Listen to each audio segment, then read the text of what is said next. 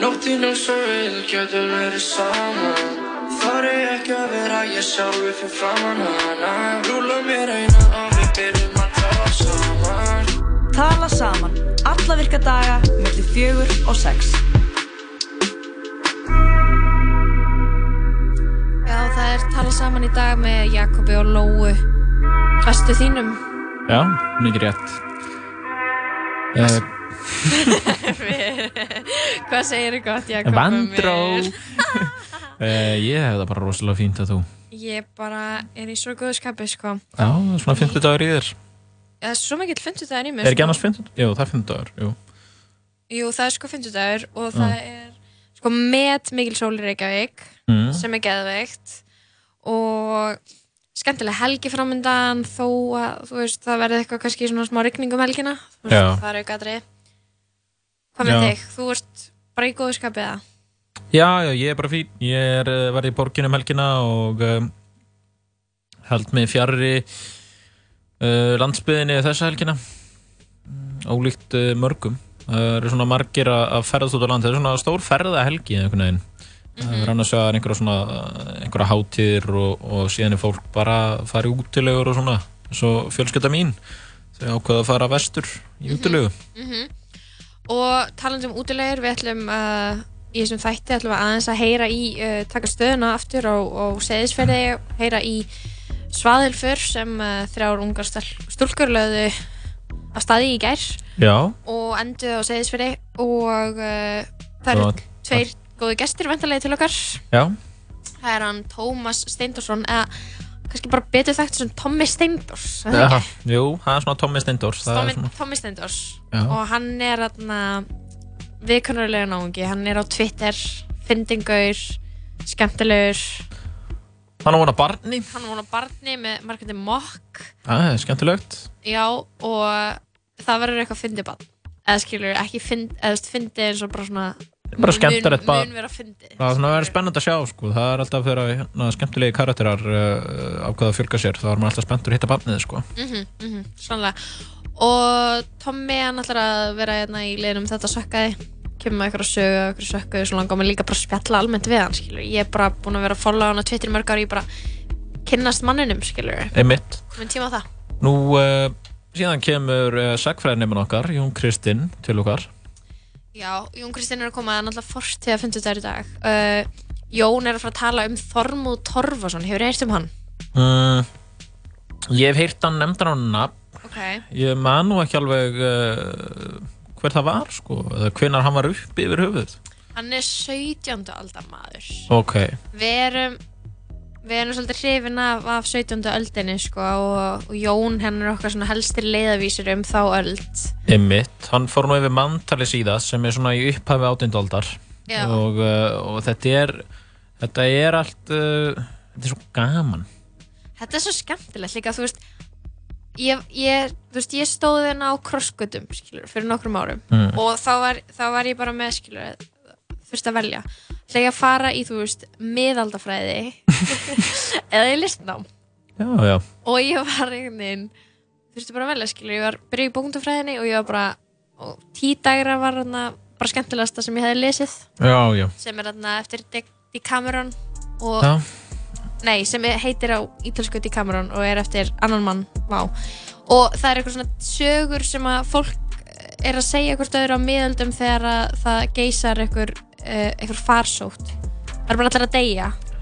Það er svona skemmtisögur á miðöldum og það er allir að deyja á miðöldum skilur Ég er að hugsa um þig Lóa í bókmentafræði já, á þjóðarbókleðinni Já. að að læra, að skrifa einhverja greiningu á bara Arnaldi Indriðasinni eða eitthvað. Nei, ekki Arnaldi en ok, já, og uh, síðan ertu að hugsa hvort á ég nú að fara í miðaldafræði eða, eða listnám. Já. Og ferð í sviðslista deild í Listaháskóli Íslands og, og ert útsköðuð þaðan. Það er nú skemmtilegt. En það er nú einmitt, það er einmitt þarna lunga, listaháttíð ungra alkoholista það er í gangi núna. Og uh, við ætlum svolítið að fylgjast með því. Það er bara gaman að heyra hvað er að gerast þar. Fólk er í miklu stöðu og, og það er rigning en fólk verðist bara brosa í, í gegnum það sko. Já, út af því að þú veist, stundum þú veist, maður, við erum Íslendingar, við þurfum bara kannski að svolítið að horfast í það að það er ekki gott veður hérna, þú veist, ef þið horfið á líkan, ef þið horfið á hnattlíkan, eitt þá getið þið séð, ok, hvar er Ísland á hnettinum? Að já, það er alveg upp, þarna bara efst hjá heimskautunum. miðju ballarhafi Já, já, nei, nei, já, bara, og, og bara nálegt skilur norðurs, norðurskautinu, mm norðurpólum, norðurskautinu. ég Hvað segir þú er ekki að fara með það um, og já, og, og þá, þá þú veist langar mig líka bara að spyrja Íslandinga sem kvarti veðrinu hérna, já, Anna hefur skoðað landakort, þú veist, Einmitt. veistu á, þú veist, veistu hvar við erum skilur á nettinum, en líka bara fínt hverju að vera bjóst, bjóstu við skilur? fínt að klæðast eftir veðri. Já, en það var, ég tók að því að það eru margir sko, það, fólk fer hana fyrir einhvern veginn og gistir í tjaldi þrjár, fjóra nætur þarna Já. á Seyðisfyrði já, og þarna fyrir austan uh, og ég sá að, að rapparinn Flóni hann, uh, hann ákvaða að skella sér. Hann er ekki að spila það neitt, hann Mm. bara vildi fara og, og hyggst væntilega að vera þarna í að þrjáriða fyrir nættur hann búið með einu nótt, hann gisti í, nótt, uh, næ, í tjaldi í nótt. Síðan sá ég á Instagraminu hans að hann auglisti eftir einhvers konar uh, íbúð eða eitthvað þannig. Hann er að, að leita að gistingu. Að gistingu á Seyðisfyrði og því hann treystir sér ekki til að gista mikið lengur í tjaldi. Nei, já, hann er svona borgabann Hann er- já. ég verður líka að segja, þú veist ég er alveg stundum í útilegu og það kemur eitthvað svona vant við og það er mjög leðilegt en það er ennþá minna leðilegt þegar fólk er að reyna að jamma.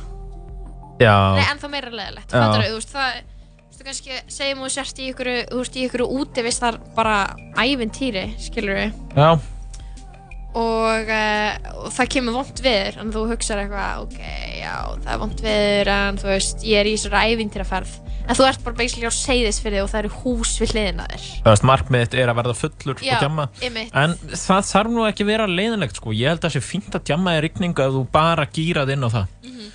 Þannig að ég, ég hugsa að þeir sem eru Show. já, Þeir sem eru klættir og með hugafarið á, á réttum stað Ég held að þeir muni skemmta sér vel uh, um helgina Já, ég held sér rétt þér. En ég verð hérna heima í, í sólunni.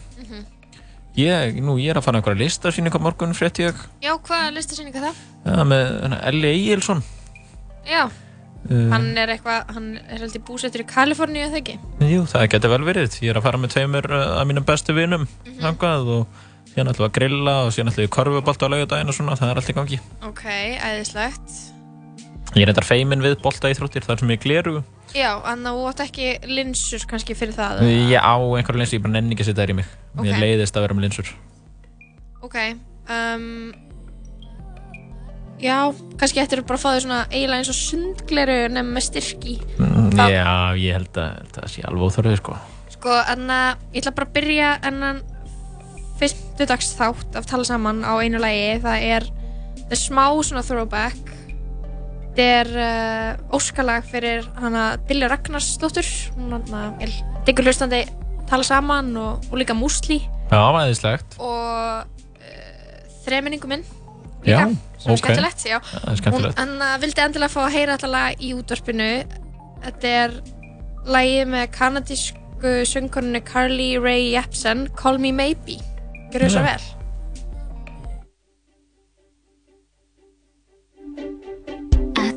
wishing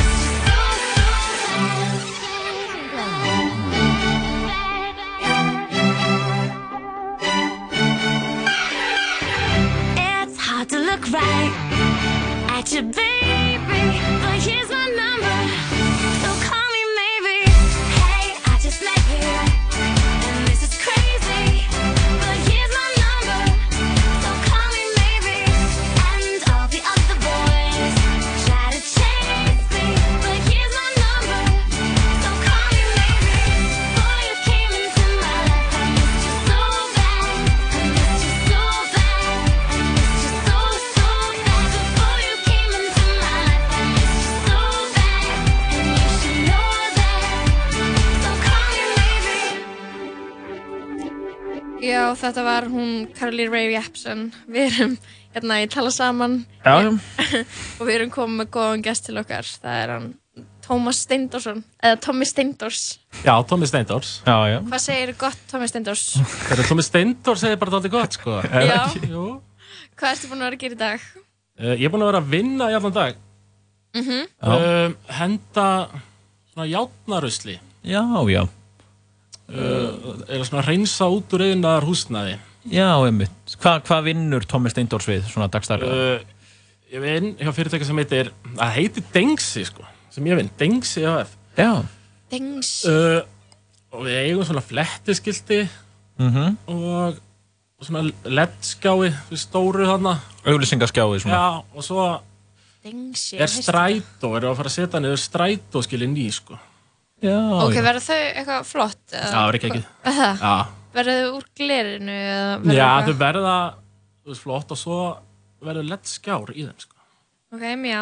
Þannig að þetta er svona, þú ert svona yðnaðar auglýsinga, þú ert svona, þetta er svona skemmtileg blanda. Já, já. Þú, þú reykur auglýsingastofu en líka, sko, Já, ég náttúrulega reyk ekki neitt sko. Já, já, þú... Nei, ég vildi bara láta það hljóma henni. Jú, já. Ok, ekki, hvað er, hvað er planið um helginu hjá þér, Tommy Steindors? Uh, ég er að fara í brúðkaup. Já, ok, Já. Sveit, sveitabrúðkaup eða? Já, í Þykvabæ. Já, Ok. Dæni Brynjars, landsliðskonu í fótbolta. Æ, Hefði Vá. kannist við ert, ertu utan á landið eða? Já, ég er fara að hellu sko. Já, þú ert Ok. hellumadur. Ég er hellumaður. Hvað, hvenær fluttur í, í Borg Kvíðans? Bor Kvíðans, uh, tvítur, Mhm. Mm. þá flutti, ég var í FSU Mhm. og Með Dada Music. Já, og já, já. Daði, hann er náttúrulega frá Laugalandi sem er rétt fyrir utan hellu Aha. Mm. uh, og hann er ári yngri en ég sko. En ég hata hann sko þegar hann var Oh ég var, í- ég var í hljó, hljómsveit sko. Uh, sem var ekkert rosa góð. Nei. og Daði ári yngri miklu betri á bassa. Ég var á bassa sko. Ah. og hann var alltaf mjög mikil ógn sko. Svo var það stærri en ég líka. Þannig að Já, Hann er einmitt, sko, og, og þú ert maðurinn nú, er ferlíki sko. ég segi það, ég er hef þú veist heyrt- nokkuð stór sko. Þú ert ekkert smár. nei, En sko Daði er rosa hávaksinn og með rosa tjúpa rödd. já, Þannig að, en ég og Daði erum félagar í dag sko ok, það er gott já, að já, heyra. já, En þannig að við, þannig að við erum bæði, eða allavega ég, ég veit ekki um Jakob, ég er að, að followa þig á Twitter og alltaf með eitthvað, skemmt, eitthvað skemmtilegt á Twitter. já, já, maður reynir svona að Já. sprella þegar maður Mi- Mikið Ó, jú. fyrir, tími gefst til já, finnst, mikið fyrir grínið. Maður fylgist með þessu. Mm Hvað segir þú þarna, við erum, já, síminn að ringja svona.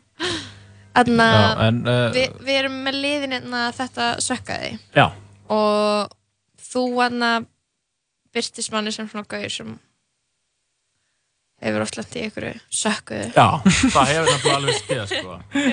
en ég er svona ég er enni daldi blind í þetta sko. Já, það sem ég heyrði, því ég hef heyrt hjá Karó. Já, uh, þá er ógislega að fyndi Mhm. uh, en ég svo sem hef ekkert eitthvað farið á eitthvað sökku date þannig sko nei, nei, nei, nei, nei að já, vera- all, það er alls ekki að vera svona eitthvað fyrst datt mér í hug þú veist, ég var eitthvað lamin í klessu á 800 bara sjálf Mhm. uh, af vinum hérna Krispundar Axels já, en það er kannski ekki það fyndið sko en, nei, nei, nei. Þetta bara má vera eitthvað sem sko. sökkaði, sko. Ég meina, Já, en þá hérna, svo flaug í hausin á mér ein þá ég fekk alveg sem að sting sko, ég var eiginlega búin að gleyma þessu. Ah. ég er að fara í svona smá sikkomót sko, en bara Já, endilega, ég- við erum hérna bara til að styðja þig. ég segi það, láta það bara slæta. Þá er nefnilega var ég sko, það var því ég var nýfluttur uh, frá Hellu og til Reykjavíkur. Uh, og hérna og þá og maður var mjög spenntur sko, þá var hérna það var ekki Tinder, heldur forveri Tinder sem ég Tagalicious. Já, já. Já, all, þú ætlar alveg bara að kalla það forvera Tinder. Já, já. Er Taka- Takalicious, ertu ekki að tala um svona, fe- sem var svona, eitthvað svona Facebook dæmi? Uh, Nei. Nei, þetta var sko, þú veist, það var hann náttúrulega Compare Hotness. Já, já, já. Svo kom Tagalicious og þá virkaði eins og Tinder Já. nema þú gast bara sendt svona stikkorð á viðkomandi, eitthvað hot. Beautiful. Já, ok, Eh, ok, ok. En þetta var svona með svipu, þú skalt valið range og eitthvað svona. Mhm, mhm. Ég ætla að fá vassopa hjá þér, Já. ég ætla bara að taka þetta. Já, Mm. gjör svo vel. Þannig að Takalicious senda... Já, senda gellur, eitthvað svona. já, já, já, um mitt. Uh, og það var mjög spennandi, fluttur í bæinn og þá, þú veist, kom bara nýr heimur daldið. Mhm. Í mitt. Og ég uh, sendi eitthvað, hot, að hverja stelpuðu eitthvað. Ég, Já, mitt. Og við mælum okkur mót, sko, hérna, á Bakkus. Já. Sem, þarna sem hurra og, og það allt. Einmitt. Er. Og já, ég mæti þarna og ég bara hrókur alls fagnaður og Mhm. splæsi drikk og, Mhm. og bara eitthvað flottur, sko. Mhm. Og hérna, og það gekk bara rosa vel Mhm. og ég fer bara, við ferum heim saman og, og ég fæ að gista þarna. Já. Æðisleg. Ég fæ að gista, sko. Og svo, hérna, vaknar hún svona í fússi og ég eitthvað svona, já, hvað? Hún er eitthvað, ég þarf að fara að vinna, uh, þú maður bara hérna, vera hérna og færa svo bara þegar þú ert búin að sofa. Ég eitthvað, já, ok, nice, geggja. uh, hérna, já, ég kannski legg mig þarna í hálftíma í viðbót og svo eitthvað svona, alveg grauðunnur. Mm. Leggst svona á, á svona rúmgablin, eða svona sest, þú veist, með lappirnar. Já. Og svona bara svona aðeins að hugsa, bara, ah, Já. Ókvið. Uh, nema hvað, fatta þá að ég var bara kviknakin sko. Já. og, og sjartaði í rúmið hennar uh, þetta er bara Nei, æ. Þannig að þú ert í raun að vera að segja að þú... Það er kúkað í rúmið. já, ég, svona, ég var ekki viss hvað þetta að segja ég ákvað bara að láta þetta slæta. Uh, þetta er byrkt í dag sko. og ég eitthvað svona hvað þökk með eitthvað svona tekur lakið. Eitthvað svona af eitthvað svona og finna ekkert annað lag einhvern veginn. En ekki var ég að fara að setja það aftur á. Nei, ég veit ég er bara eitthvað svona og það voru eitthvað, þú veist, tveir aðrir sem bygguðu þarna sko líka Já. og ég eitthvað svona fer út af herberginu uh, og þá eru meðlegendur hennar og ég eitthvað með lag hérna undir höndinni Já. eitthvað, hvað, hvað er þetta að gera? Æ, það er eitthvað skítugt og svo bara hendi ég því í gáminn Nei. og bara þessi lífsreynsla sökkaði sko, ég fæ Já. bara ég fæ ennþá sting sko. Oh my god, hva, þú veist, hvað ert gammal þannig? Þetta er í tvítugur, sko. Og hvar í hérna Reykjavík er þetta? Þú langar að sjá bara svona Já, þetta er bara hérna, svona út af köp. hvað heitir hérna, keira ringbrautina, Holtzvegur. Holtsgata? Já, nála þarna sem Wilsons pizza var, hérna Já. ánannust. Já, já, þetta er bara holtskutu. Holtsgata, já. Já, líklega. Sem er Ok. þarna bara- Og, og, og, og þetta fannst eru þá hvað hva mörg ár síðan, cirka? Átta ár. Þann, já, þannig að þú í raun og veru, já, þarna hafðir kynst einhverju á takkarlissju. Já, já. Ferð nýkomin frá hellu Já, náttúrulega. og já, bara, það er komið með recap hérna á þetta. Æ, já, æðislegt að vera æðislegt að vera komin í bæinn, ég meina og bara allt í einu fullt af sko, já, og, eins og þess- ég var á hellu, sko, Já. bjóð þar alltaf. já, uh, og maður fór svona 800 bara Einmitt. 30 manns þar á laugadegi og maður bara, wow, geggja. Einmitt. Maður bara svona fyrsta daginn sem ég kom hérna á miðvíkudegi og það voru kannski 70 manns inn á okkur um bar og ég var bara, wow! Þannig að þetta var bara, já, mjög nýtt að flytja í bæinn, svona, og fer með þessari stelpu á holtskutuna maður Já, já. Og, og daginn eftir þá kúkar í lagið hennar akkurat, þetta er bara hárjætt hjá þér, Jakob. en uh, en sko sem betur fyrir var hún fjörverandi Já, já, þú veist, svona láni óláni. Og sagð- þú sagðir ekki, henni ekki Nei, svo frá hef ég bara þessu. ekki heyrt í henni síðan, sko. er það ekki Nei. vola bara fínt Jó, jú, Alveg. bara. Þú er ekkert reykist á hún förnum vegi. Jú, ég sá hana á okkur fótballta landsleik einhvern mann. Þú vildir ekkert Nei, segja. nei, nei, ég, nei, nei, og ég minna þetta eru þetta uh, ég vona að hún sé ekki að hlusta, sko, að því hún, ég held hún viti alveg, Hvern, sko. Hvernig típa er þetta, þessi gæla? Ég veit, að þú veist. Og þú veist, Já. er, hún típan til þess að finnast þetta bara gett Já, fyndið? já, ég Já, ætla já, bara að vona það. Nei, já, ég meina hvað, ætlar hún að fara að móðkast núna? Nei, þetta er... Hátt í áratugur Ég segi það, stutt í að þetta sé bara alveg fyrr. Já. Sko. Ég Hún fer ekki með þetta ég held fyrir að dóm, sko. fyrningin að því að kúka í rúmi hjá okkur það sé um þetta eitthvað svona átta Já, það er með það, sko.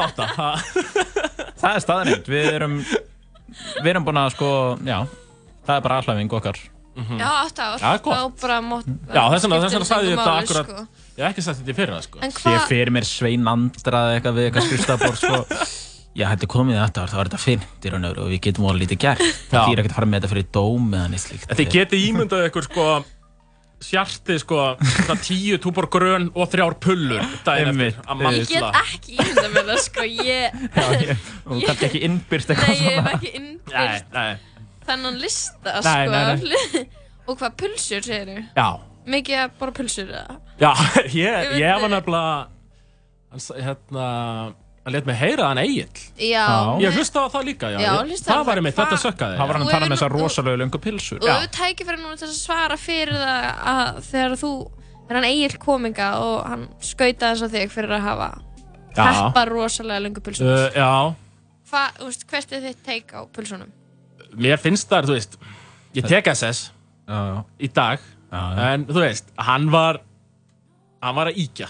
Já, já. Hann var að reyna bara að vera eitthvað sniður. Þetta var nýjung á markaðunum. Já, En hvað, þannig finnst þessar pulsur alveg góðar? já, já. Þannig að rosalega lungu Já, pulsunar? það eru Já, góðar, sko. Ok, En en mér er samt svolítið skemmtilegt smáatrið þarna þú segir á bakkus að þú svona splæsir í drikk Já. En séðan verður það allt í náttúrulega tíu túborg Já, ég, svona, ég splæsa einum á hana, sko, já. sem, já, já, Hókur og alltaf, sko. alltaf var þetta bara kvöldið Já, já, já, já. Einmitt, einmitt. já, þetta er bara svona, Ég er bara að reyna að sjá þetta fyrir mér sko. Mhm, Mér finnst þetta hérna skemmtilegt sko. en hvað segir þú, notaður Comper Hotness líka eða? já. Hvað, þú veist, á, en Tinder, notaður það líka? Mm Ég náttúrulega kynntist konunum minn á Tinder, sko. Ok, einmitt. En hvað er þarna af þessum þremur, Takalicious, Comper Hotness eða Tinder, hvað er best? Uh, náttúrulega Tinder er best. Já, En takkin var þetta skemmtilegur, sko, af því að maður gætt bara send. Það er fortíðar fymtudagur Já, já, takkin var þetta skemmtilegur upp á það, sko, af því að voru þessi stikkorð. já. En svo gætt maður, sko, samið verið með þrjú stikkorð, eða kannski voru þetta tvö, þrjú orð, já. sem maður gætt samið og sendt til þeirra. Im- Og maður læði ótt metnaði það að vera fyndin og sniður já. með þetta frumsamda, sko. Einmitt ok, já, eins, eins og hvað myndur hafa skrifað? Uh, ég manni það, það var eitthvað ógeðslega cringe dæmi, sko, Já. held ég. Eitthvað á íslensku þá? Já, þú já, maður náttúrulega var bara með þetta stilt bara í Reykjavík, sko.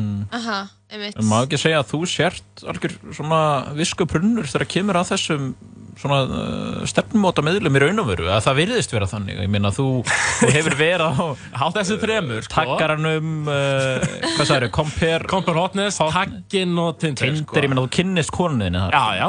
Og er bara hann mikið saman með henni í dag, sko. Me, Megum við spyrja út í það, þú veist, hvernig var þetta mikið spjall eða ákveðu bara að hittast strax eftir að hafa komið Mats? Uh, Má- já, kona mín. Já, já. Já, já, gaman, sko. Margrét var náttúrulega kepp í útsvarinu, sko. Já, Fyrir hann já, Reykjavíkur.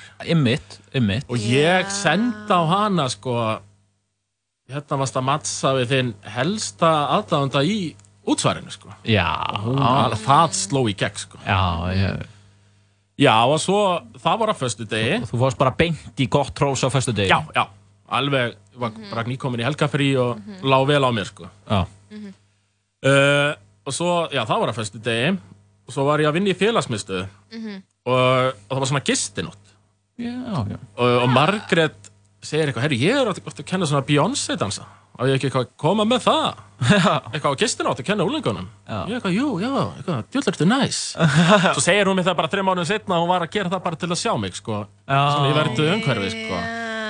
Já. Og svo daginn eftir, Ógeðslega fyndið að bóka eitthvað fyrir vinnuna sinni gegnum Tinder. já, Það er mjög fyndið, þannig að þú segir við yfirmanni bara, herri, ég er hann að koma með Beyoncé já, danskennar já, já. á Tinder. Já. ok, Já, það var nákvæmlega svona Ok, bara. já, og hún mætir og, Já, það bara gekk vel og já, svo hittu sig sko daginn eftir og lögati heima hjá henni á deiti. á deiti, ég kaupi blandipoka Hmm. og horfum á útsvar. ok Það er ekki live. Það er ekki beinni útsendingu? Jú, Nei, einhverja aðrir að keppa út, sorry. Já, já, já, já, já, ok, ég skil. Já, bara einhver aðrir að Já, já, keppa. já, já, já. Uh, Bara eitthvað og hella það, og... já, og það gekk í rauninni það vel sko að ég bara flutti basically einu á degi tvö sko Vá. Jöfull er þetta gott. mm Svona Hefur ég á- ekki fara að leika mjög, var í mjög næs, er í næs húsi sko Einmitt. Hendaði mér vel, bjó hjá mömmu og Þú, þú lest það ekkert vita að þú hefðir áður kúkað í rúm. Jú, ég sagði henni þetta konu. reynda fljótið, þetta er svona, ég segja vinið mér um þess að sögu sko Þetta er, þú veist ekki að segja þetta í fyrsta skipti Nei, nei, nei, nei. Mér finnst þetta að vera pínu svona partísaga sko. Þetta Já, svona- þetta er, svona já, þetta er alveg daldið þannig sko. Pínu svo að kunna eitthvað galdartrykk. Þetta er smá eins og sagan sem ég á þegar að gaur sem ég var með ældi yfir með alla. Já, já, Ég já vaknaði í ælu. Það er er svona, er svona sko. þetta sökkaði saga. Já, fara að sofa heimi Mm. á kærastanum sínum, vera 18 ára, vakna við að hann kemur heim úr beer pong, örgulega búinn að drekka svona Já, 10 já. túborg eða eitthvað. Pöllur Já, vakna við hann svona pikkar í mann og maður, hann, maður heldur kannski, æ, hann ætlar að spúna já. mig, eitthvað, kissa mig eða eitthvað. húra Nei, þá bara byrjar hann að æla Já, og svo já. kemst ég ekki neitt, ég er upp við vegginn ég get ekki staðið upp þannig að hann heldur mig niðri og ælir yfir mig Já, Æ, hvað og það er þannig erfitt að heyra? ég þarf að liggja í einhvern veginn ælunni í smá stund. Já, já. Þá að hann er búinn að æla. Æ, æ, æ, æ. skilur, þannig að Það er rosa hár standard á þessu umræði hjá okkur. Ég, Já, og ég meina það er bara Er þú gaman með eitthvað pisssögu, Jakob, svo við bara fullkomnum ælakúka piss? Uh, Þrennuna. Það er þá bara Það er þá bara að ég hef pissað á mjög skrítnum stöðum. Já, já, já. Ég, sem ég vil ekkert fara út í sko Mhm. Veist, Já, Ég er já, ekki að tala um það hérna Ég er bara, Það er þú sem ert að spyrja þetta ekki já, ég. já. Ekki það, því ég er búin að deila miklu sko En ég get ekki deilt þannig sögu núna Nei, nei. Uh, Það kemur ekkert um henni þetta sökka eða eitthvað hannig En þannig að mér finnst, ég, ég verð að fá að benda á mér, þannig að alveg aðdáðanvert og þú segir bara við Margréti konuna bara, fyrsta sem hún segir er bara að sért aðdáðandennar og því við vorum eftir með hennar Pálma Frey, Já, ég veit ekki er, hann er núna að byrja með podcast sem heitir eitthvað Einhleip, Einmann og Eirðarlaus, Með steinu í skúla Steinei skúla og hann Já. og og þeir eru að tala, þú veist, auðvitað talaðu líka um Tinder, skilur, þeir eru einhleip, skilur, Mhm. og einmanna og þá var ég að segja bara, hann er náttúrulega svona uh, þú veist, hann er í ykkur gríni og bla bla bla Já, já. og við vorum að tala um svona hvenar er viðeðandi tími til þess að segja bara já, by the way, ég, veist, ég hef komað á improv-sýningu eða by the way, ég hef séð því í þessu og ég er mikill aðdóndi og ég vildi meina sko aldrei ef ég væri fræg, Já. þá myndi ég aldrei vilja heyra, eitthvað myndi segja við mig já, ég er aðdóndi Já, þú ert nú smá fræg Já, þú veist, ef ég hætti ok, ekki þessum en líka ef ég væri að mattsa við ykkur fræðangur þá myndi ég aldrei segja, ég myndi segja svona þreymur árum setna Já, þú myndir ekki vilja fá svona eins og Nei, Nei, nei. Og, og, og líka ég myndi heldur aldrei gera við hinum mannskuna eða þú veist, ég myndi aldrei Já, vera já. ég myndi, eða þú veist, En- það er bara ég ég er svona, Ég held samt lóa. Þú vilt kynna svona á jafningja já, já, já, já, held ekki, sem, ekki það sem einn er skilur Já, já, já, aðdáðandi og ég myndi aldrei vilja vera aðdáðandi En ég held samt lóa ef þú Já. væri hérna búin að vera með eitthvað og síðan færðu bara Mhm. frá einhverjum gaur sem þú er búin að hafa auga stað á bara góð skilabóð þú myndir sko elska ég þekki þið nú alveg. Ha. Ég held að er að segja ljúa ég held sko að- að að, hérna sko eins og, eins og ég held sko að maður þurfi bara að fara svolítið geist inn í þetta. Fyrst þú ert á, ef þú ert á Tinder yfir höfuð bara fara geist inn bam, Tommi Steindors komið. Já, að Tomma Steindorsa hlutina bara. Já, ég var að kalla þetta Thomas Steinars Movie bara. Já, já, ok, Hva, já, hvernig gekk þetta? Þetta var bara Tommi Steindors. Já, já, Það ég sagði henni bara að þetta væri allt, í, allt ljómandi hjá henni. Já en þarna, Tommy, Mhm. það var geggjað frá þig hvað, Já. voru við búin að spyrja þig hvað þú ætlar að gera um helgina? Já, ég ætlaði brúkup Já, þú ætlar að brúka Já, keðvitt Fæ ég, hérna, er óskalega Já, þetta þú, þannig? já, Endilega. ef þú ert með óskala, ég ætla að setja Eh, Old Town Road remixi en, já. Já, en hvað með bara gamla góða Costco-læð? hvað lagði það?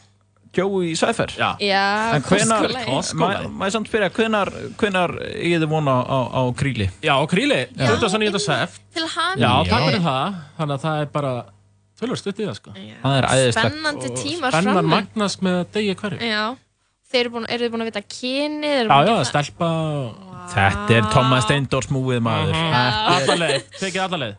Svona, svona að gera þetta. Já, Herru, Steindors þakka þér fyrir komuna. Já, takk svo leiðis, takk Og fyrir mig. við ætlum að hlusta á lag, lag með honum Jóa okkar. Þetta er Costco-lægið Costco-læð Gjör svo vel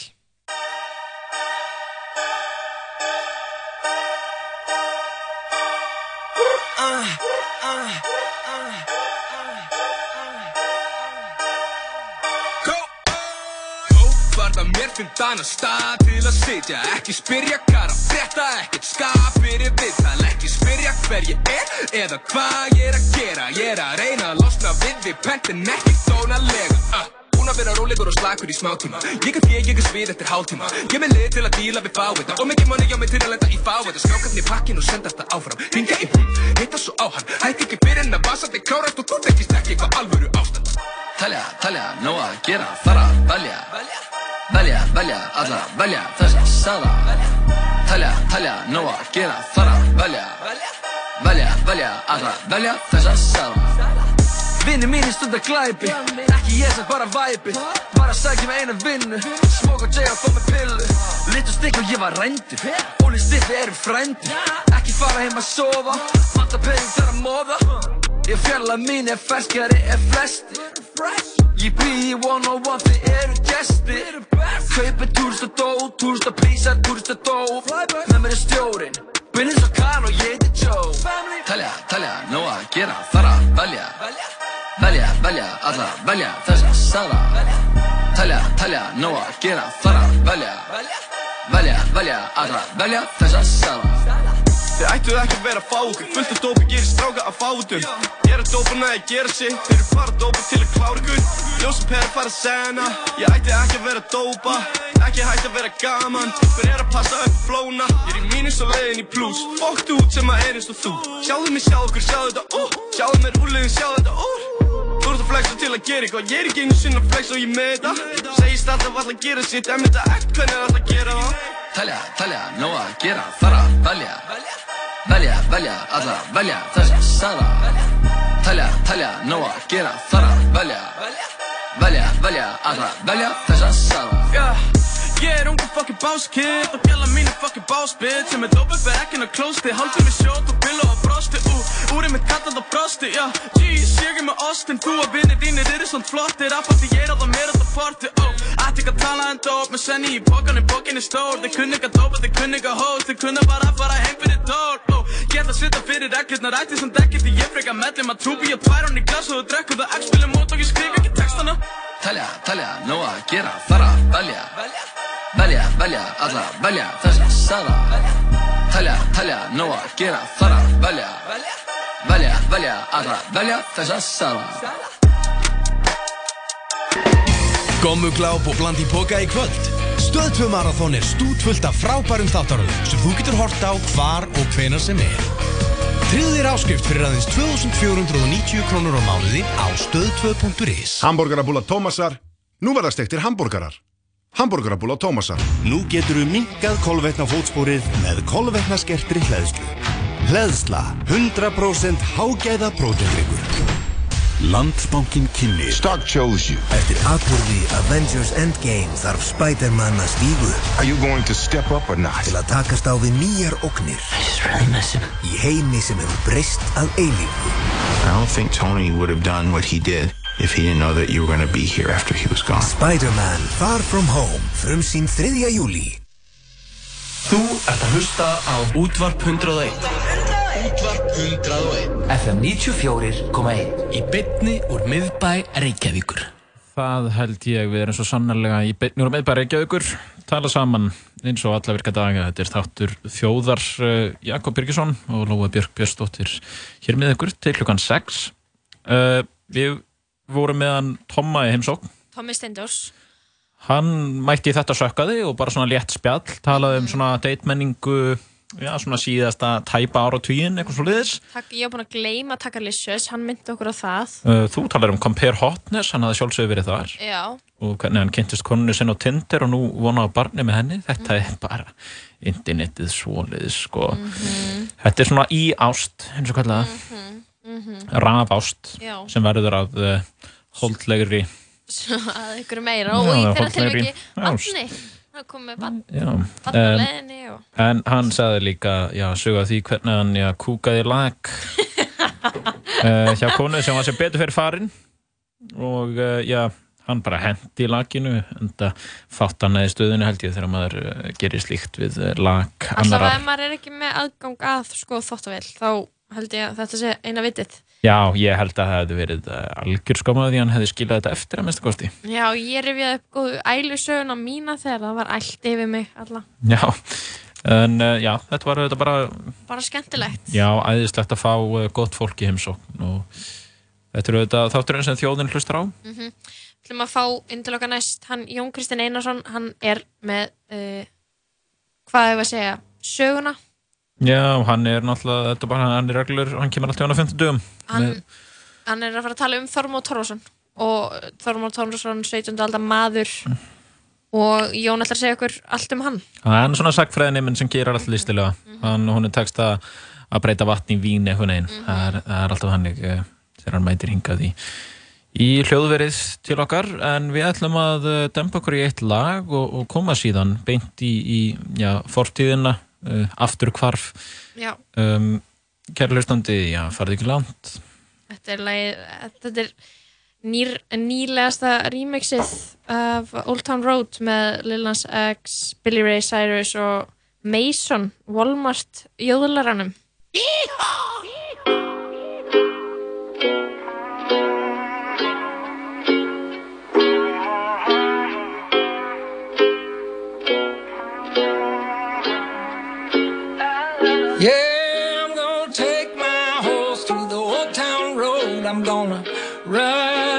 I can't no more. I'm gonna take my horse to the old town road. I'm gonna ride till I can't no more. I got the horses in the back, horse stock is attached.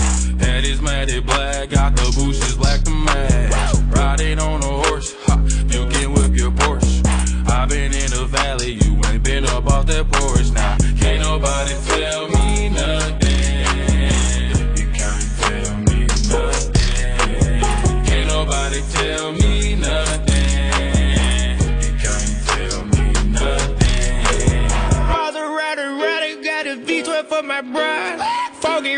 road, got a three wheeler inside. All I wanna do is take a pill, catch a chill vibe. Real Prince, I'm really doing real dumb. I'ma take a horse to Southbury Road. I don't remember name, but I painted on her nose. Country money, I don't gotta do no chores. I'm a minutes, I got women try to sneak me through they doors. Ain't nobody tell me nothing.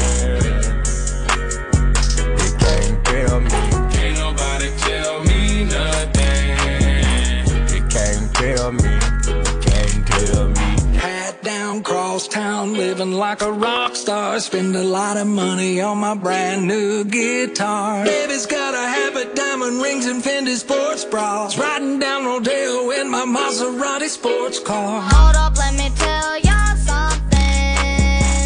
You can't tell me nothing. Can't nobody tell me nothing. You can't tell me nothing.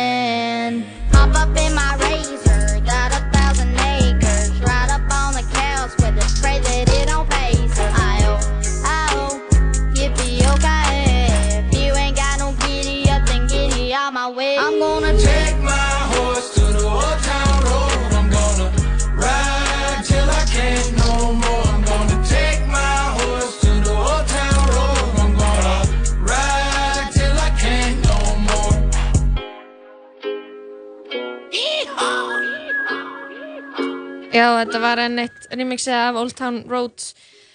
Uh, Mason Ramsey, Walmart jóðlarinn, hann var í þessu.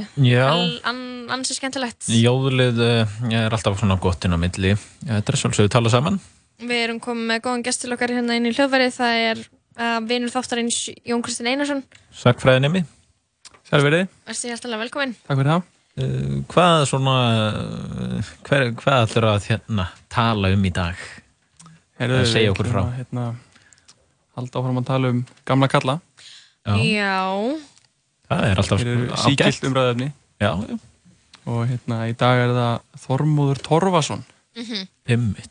Sem er kannski svona í minnst þekktur af þeim sem við höfum talað um hingað Já, til. einmitt. Mhm. En samt sem áður merkilegur. Mhm. Já. Og uh, ég held að það sé alveg að segja það sko að allavega á Íslandi þá er hans minningu eiginlega bara hvergi haldið á lofti. Nei, nei. Um, Hver, hvar kynntustu honum eða þú veist hvar þarna, Ég, persónulega? Já, já hvar, uh, fyrst hann er svona lítið þekktur, svona hvar rakst þú á hann fyrst? Um, ég var að lesa gamla dóma í alþingisbókum Mhm. og hérna, það er bröður honum fyrir en hann er bröður fyrir úr einsum stöðum Mhm. Einmitt. um, en hann er svona sagt, 17. aldar maður Mhm.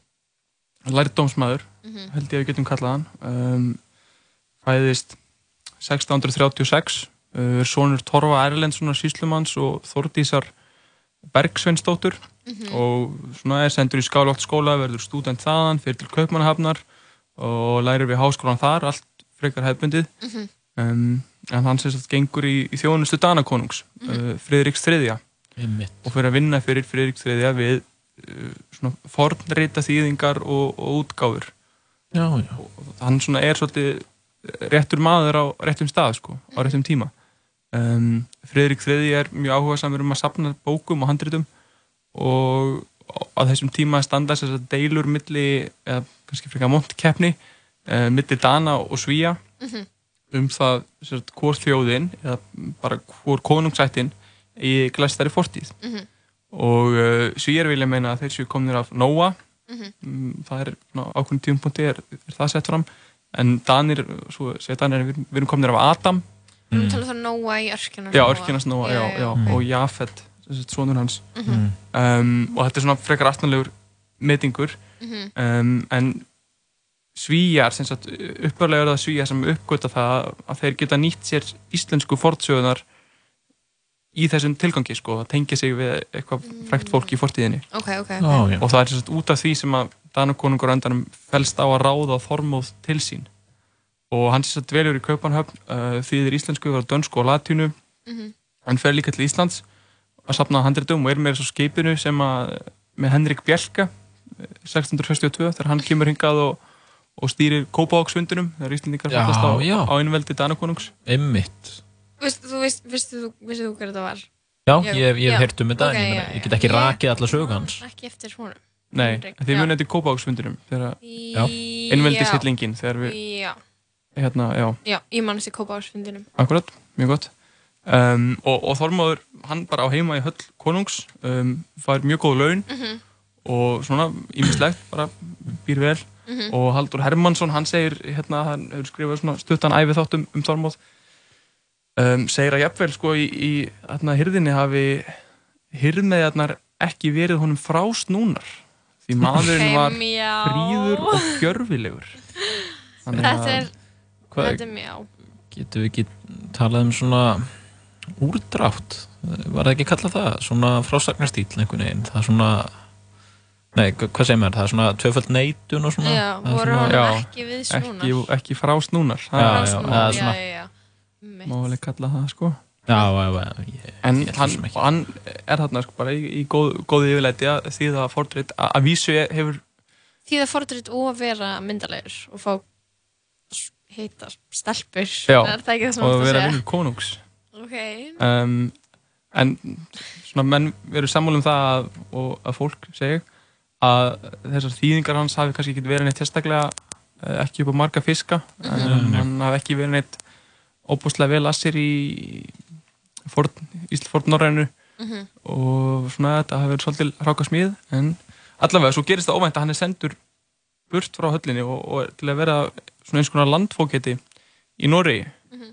og svona ástæðan fyrir því er, er, er ekki alveg kunn en það, menn tala um það að hann hafi framið morð og og, og, og af þeim sökum hafi sem sagt ekki þó tilhýðilegt að hafa hann við hyrðina lengur Mm. Hvað, hvaða morð? eða Hvað var það? það, sko, það, það, það er svo annað morð síðar það er mjög lítið vitað um þetta fyrra morð Getur verið að þessi maður hafi verið síkopati? það er svona heimildum ber saman um það að hann hafi verið svolítið skapbráður Mm. um, einhvers þar las ég hérna hann var vinur vina sinna sem er eitthvað sem er alltaf sagt um handbrukkara Já, svona hann já. var góður í mömmu sína og hann var vinur vina sinna Já. Rosalega vondri við alla aðra Já, einmitt.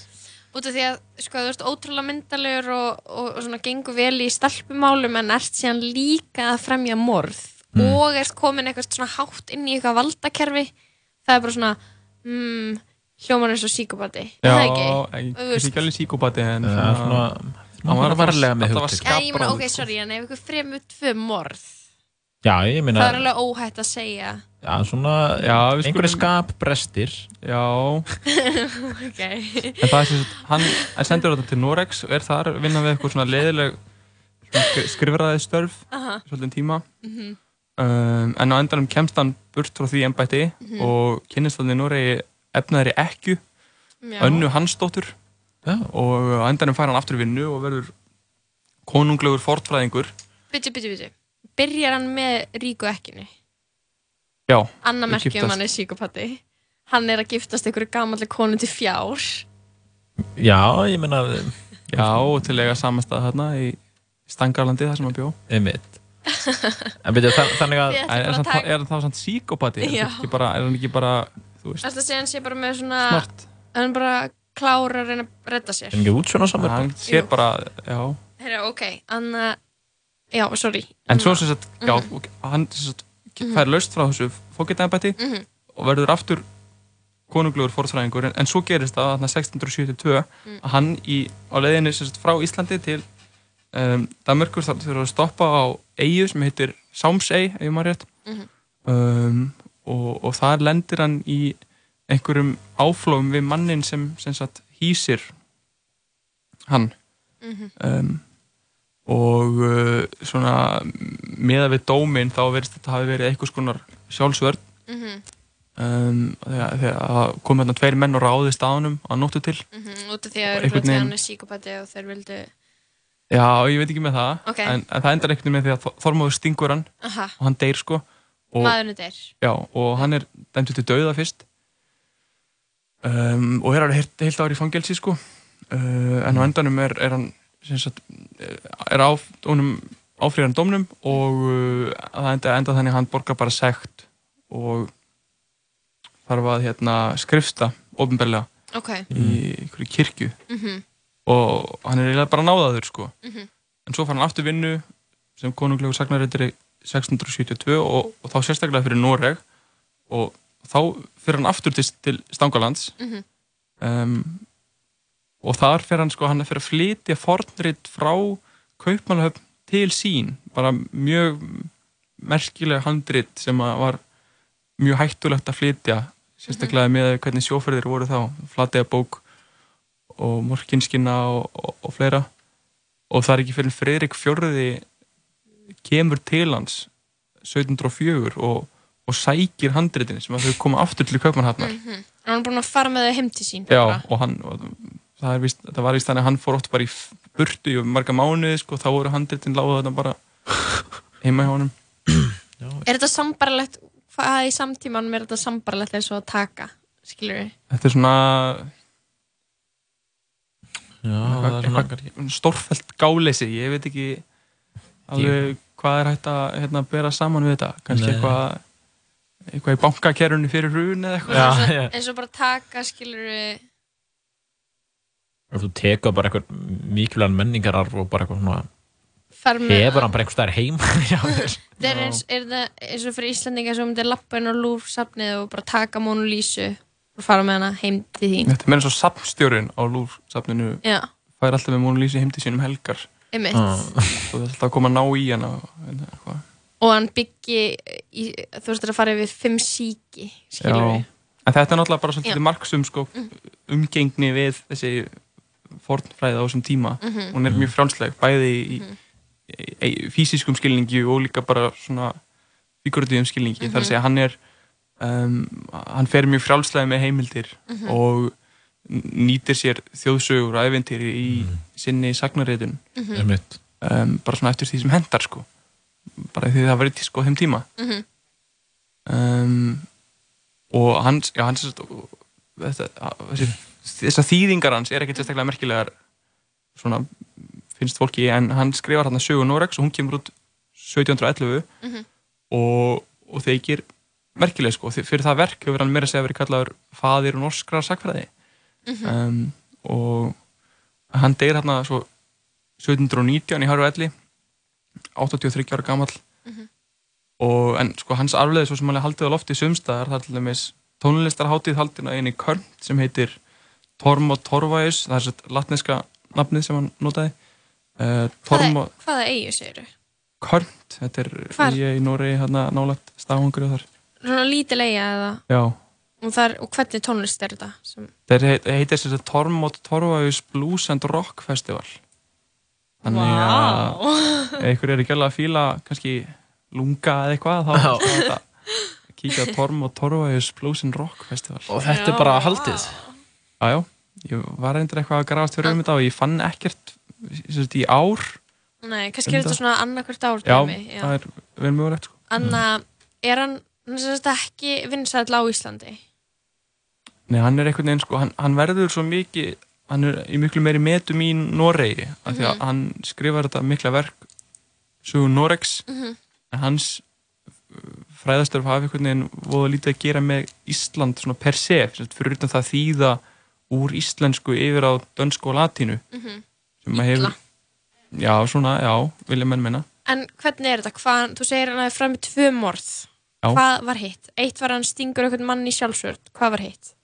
Já, fyrra var þarna þegar hann var reikin í fyrra skiptið sko. Það var meira, það er ekki til neinn gögn um það Já, mál sko. Það var svona seg- pískrað um að hérna, um að eitthvað hefði gerst Mhm. um, Jón er að fletta í sögubókinni. Já, það er þarna sko Aldur Hermansson er hérna með tilvitnun í samtal hans við konungs þegar hann veitur honum um, þannig eftir bæði málin sko Mhm. um, og, og þá á Kristján 50 hafa sagt við hann um, þér eruð svo morðgjart og þá Mm. á Þormóður að hafa svarað ég hef alltaf verið svo skapi farin að ég hef heldur viljað drepa aðra en láta drepa mig og að því hafi konungur brosað Emmitt, já, hann segir bara, já, ég ger þetta í sjálfsvörð og já, frekar, það er, ekki? það er svona raugin sko en maður spyr sér sko er þetta gerist, þetta gerist tvisvar Já. þá er kannski komin eitthvað, eitthvað svona munstur sem er Mhm. undarlegt sko Hvað heitir þessu bók sem þú ert að glugga í? um, þetta er fjóraðabindi af reyturöðinu Merkir Íslendingar Mm Já, hann er nú þar, hann hefur rættað þangað þó hann sé... já, já, já, já, hann er Mhm. ekkert glemtur á grafin sko en Kannski ekkert svona algengt umfjöldunarefni nei, ég menna ef við værum alvöru land og værum 5 miljónir skilur Mhm. þá væri búið að skrifa æfisugumann mm -hmm. Já, en einmitt. við erum það ekki En þú Shit. kannski þú kannski gerir það þetta einn Ég held samt að, að það hafi verið eitthvað skrítið í gangi hjá honum Þormáði Þorvaldi Þormóði. Þormáði út af því að út af því að hann anna, er eitthvað með einhverjum konum og svo að fremja eitthvað morð og svo að vera með einhverju gamallega ekki skilur, og þú segir hann sé myndalegur og eitthvað ég, já, ég held ekki að hann hafi verið siðblindur samt mm. Nei, ég meina höfðu hef eitthvað höfðu Æ, eitthvað mér finnst það bara vera skilur þetta er svona, mér finnst það vera svona svona dæmi Var hann ekki bara svona fuckboy? Já, Jú, sem fremur ég, morð, Mér finnst alltaf, ég, alltaf að fara varlega þegar maður verður að svona yfirsetja einhverjar sálfræði Mhm, kenningar á á fólk, fólk og sem- fórtíðinni bara Mm. mm. fyrir mörg hundru árum, já, um mitt en skilur við, hann já, um mitt Ég meina, þú, þú varst með Óskala, Jón Já. Get, hvað getur þú sagt mér aðeins frá Ósk- Óskalagi? um, þetta er kallakorinn Vísir Já, þetta er bara Lægið Ég held að þetta bara Sveitin mín. Nei, fjalladrottning Ég móður held að mín það sé vittlast að YouTube sko. já, það heitir Sveitin mín. Um, Bara gott íslenskt ættjarðar lag sko. mm er þetta eitthvað sem þú hlusta mikið á í vinnunni í, í uh, vinnunni þinni? Ekkert meira en annað sko. nei, ok. En enna, þetta er Óskalagi hans Jóns og ég bara, ég segi bara njótið. Neip, þetta var ekki óskalagir Smá andru rúf moment í gangi hérna hjá mér. Já, það er Gjör það svo vel.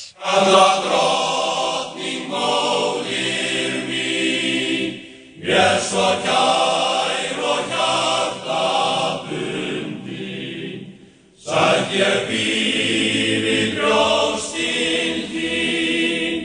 Blessuð alna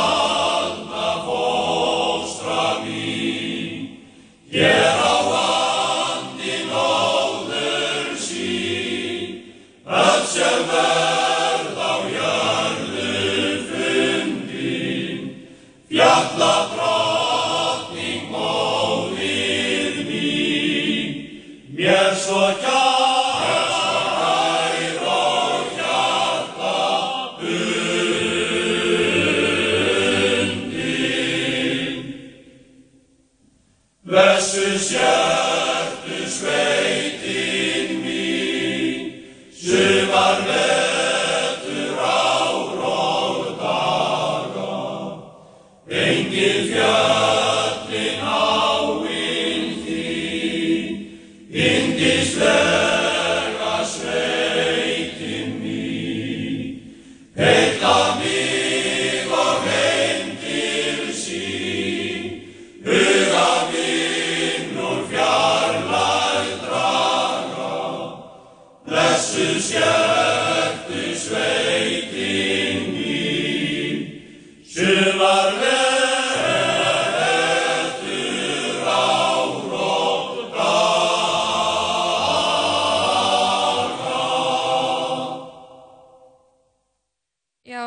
Óskalagi hans Jón Kristins, hann var hérna hjá okkur að fjalla um Þormó Torfason, þetta var lagið Sveitin mín Já, með það kallakornum í sig.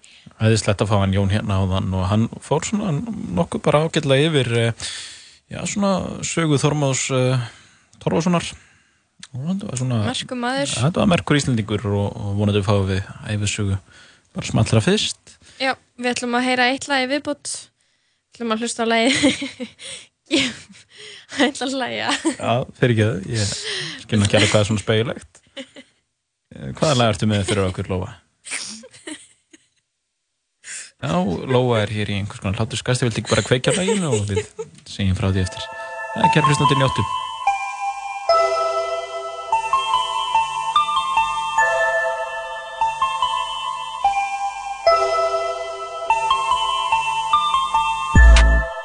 Kallið mig Hitti krabba það er tvistur. Ripa vei það er mistur. Vantar vað ég er þyrstur. Þar að ísa mig út En mér trúbíast út Og er andir hann glút. Það er eitt fyrir vibes Og tvei fyrir mood. Joey Christ ég var fyrstur. Rúla Subaru, já ég er mig klaka út Er að grænda allt, sjá mig fucking getur allt. Vil taka hundrað í bekk, gælan þín er með svepp Hálf blind og með lepp, já. Allt og mikið vekklið, alveg sama við þig Einn það fíla mig, já. Allt og mikið vekklið, alveg sama við þig Einn það fíla mig, já Djöflutin, stefnan því mitt lagir takið á sig gistingi Ég sé fjör fáið það nei ekki beint, ekki beint, nei Hitt og djöflutin, stefnan því mitt lagir takið á sig gistingi Ég sé fjör út í ég, stráka veit ekki Haldið fáið það nei ekki beint, ekki beint, nei En með pakki stapla klaka glas og konjak Sippar hinslind ekki í að blanda út í það Er á möstunir og lum og eftir lóðnar Og ég var fucking strákur reykja jónuna Kanski fá mér en þú veist að ég veit nóg um það. En með nóg að liði vilja fucking smóka strax. Vilja bísa ég stráka taka allir rólega. Rólega, já. Rekki gista en þú veist að ég mun stoppa leikið við. Og hún er fucking fikið smið en ég elpist ekki við. Segir hæ og síni áhuga ekki kannski upp á bygg Þekki nóg að strákur segist ekki vita hvað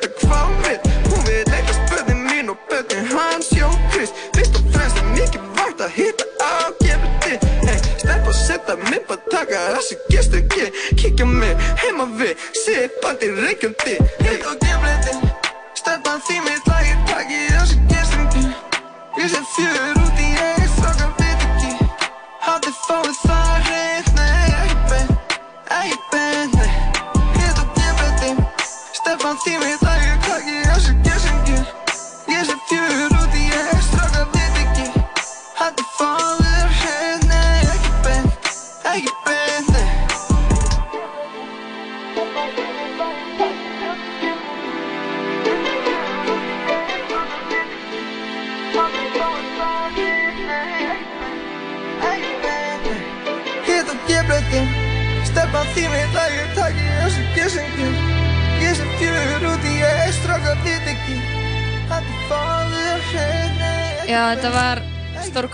Lagið G-blettur með honum Joey Christ og Krabba Main á flutinu Joey, Já, bara lag. Uh, já, þetta er yndislegt lag en við ætlum nú aðeins að fara svona smá fréttir. Mhm. um, uh, Samfélagsmiðlinn Instagram mun hefja nýja tilraun í því skyni að spórna við félagslegri pressu sem margir notendur segjast finna fyrir á miðlunum Tilraunin gengur út á það að fela þau like sem einstaklingar fá á fæslunar sínar og mun hefjast í nokkrum löndum í dag þar á meðal í Ástralíu og Japan. Vídeó á Instagram. Já, var, Þannig að það er hægt að sjá fylgna læka. Uh, já á, Þetta er það sem að hann Kanye West var að tala um hérna fyrir í fyrra Á VF BBC kemur fram að í stað fjölda munu notendur nú einingi sjá ákveði notendra og aðrir þegar kemur fram uh, hverjum líkar við færslur. Mhm. Þeir sem byrta færsluna getur þá sjálfur geta, uh, séð hversu mörgum líkar við hana en aðrir notendur munu ekki sjá þann fjöldan um að þeir íti sérstaklega á yfirlit yfir hverjum hefur líkað við færsluna. Ákveðið var að ráðast í tilraunina eftir að umræðum vanlíðan notenda fór að verða meira á brandi. Notendur, þá sérstaklega ungir notendur, töluðum aukna félagslega pressu sem fylgdi samfélagsmiðlunum og hversu miklu máli það skipti þau að fá tiltekin fjölda likes á fæslur sínar. Var þetta talið íta undir verra sjálfströst og oft brotna sjálfsmynd. Vá, við búum í svo mikill dystopíu Jakob sko. Uh, Mia Garlick sem segja að hérna, yfirmaður á Facebook Ástralíu og Nýjasjálandi segir vonir bundnar við að tilraunin muni skila sér í betru upplifun notanda og að markmiðið sé að fólk geti farið að innbyrna meira á að segja sína sögu en að fá tiltekin fjölda til þess að líka við færtunum sínar þetta er uh, ákvaðverð tilraun uh, sko heldur að þetta gangi upp Lóa? mm, Ég held að þetta sé klálega svona til uh, bóta Mhm. en uh, ég bara spá, þú veist, er ekki ógslag margir sem að hafa eh, einhverja hagsmun að gæta þegar það kemur að einhverju svona læk fjölda. Já, það hefur alltaf áhrif á til dæmis starf mjög margra sem að til dæmis að vinna í gegnum Instagram. Já, en ég meina auglýsendur Já, en ég meina það snýst samt aðalega líka bara um að nóga margir sjá eða? Já, en þú, getur þá séð það einhvern veginn öðruvis heldur en með like-númerinu eða þú veist, Þú getur ábyggilega mælt einhvern veginn hversu margir að skoða færslunum þínar. Já Ert þú með business Instagram? uh, Já, ég, ég með einhverja stillingu en ég hef aldrei ég skil ekkert eitthvað, er þetta að sjá hversu margir skoða hverja mynd eða eitthvað svo leiðis Nei, það er hægt að sjá, það er hægt að sjá sko uh, hvers, jú, það er hægt að sjá held ég hversu margir hafa séð Ég hef aldrei skoðað það, ég sé bara eitthvað svona með stórin mín eitthvað. Já, En það er held ég það að sjá hvers, já, hversu langt hún fer, skilur hversu margir uh, hversu stort hlutallaði var ekki að followa þig sem sá þetta. Já, og líka, já. þú veist, senda hann ykkur eða seifa hann ykkur eða eitthvað þannig Já, já, ég skil Mhm. Já, ég hef aldrei, aldrei skoðað það sko, ég vissi ekki alveg að það væri hægt Það er nefnilega alls konar hægt sko þegar þú ert eitthvað svona með eitthvað business Mm. Instagram account kannski er ég ekki með eitthvað full business eða eitthvað, ég veit ekki, en ég er með einhverja Mhm. en, uh, en sko, það sem ég hugsa bara er að sko, ég er ekki bara mun þá ekki bara eitthvað annað koma þar sem maður getur fengið likes eða er ekki fólk vola mikið að leita við, viðurkenningu eða heldur þetta muni bara breytast og Þú veist, ég veit ekki að ég held að þú veist til dæmis Instagram var ekki búið til fyrir lækin nei, nei, og ég held að þú getur ekki búið til eitthvað plattform núna sem að er jafn stór og Instagram skilur nei.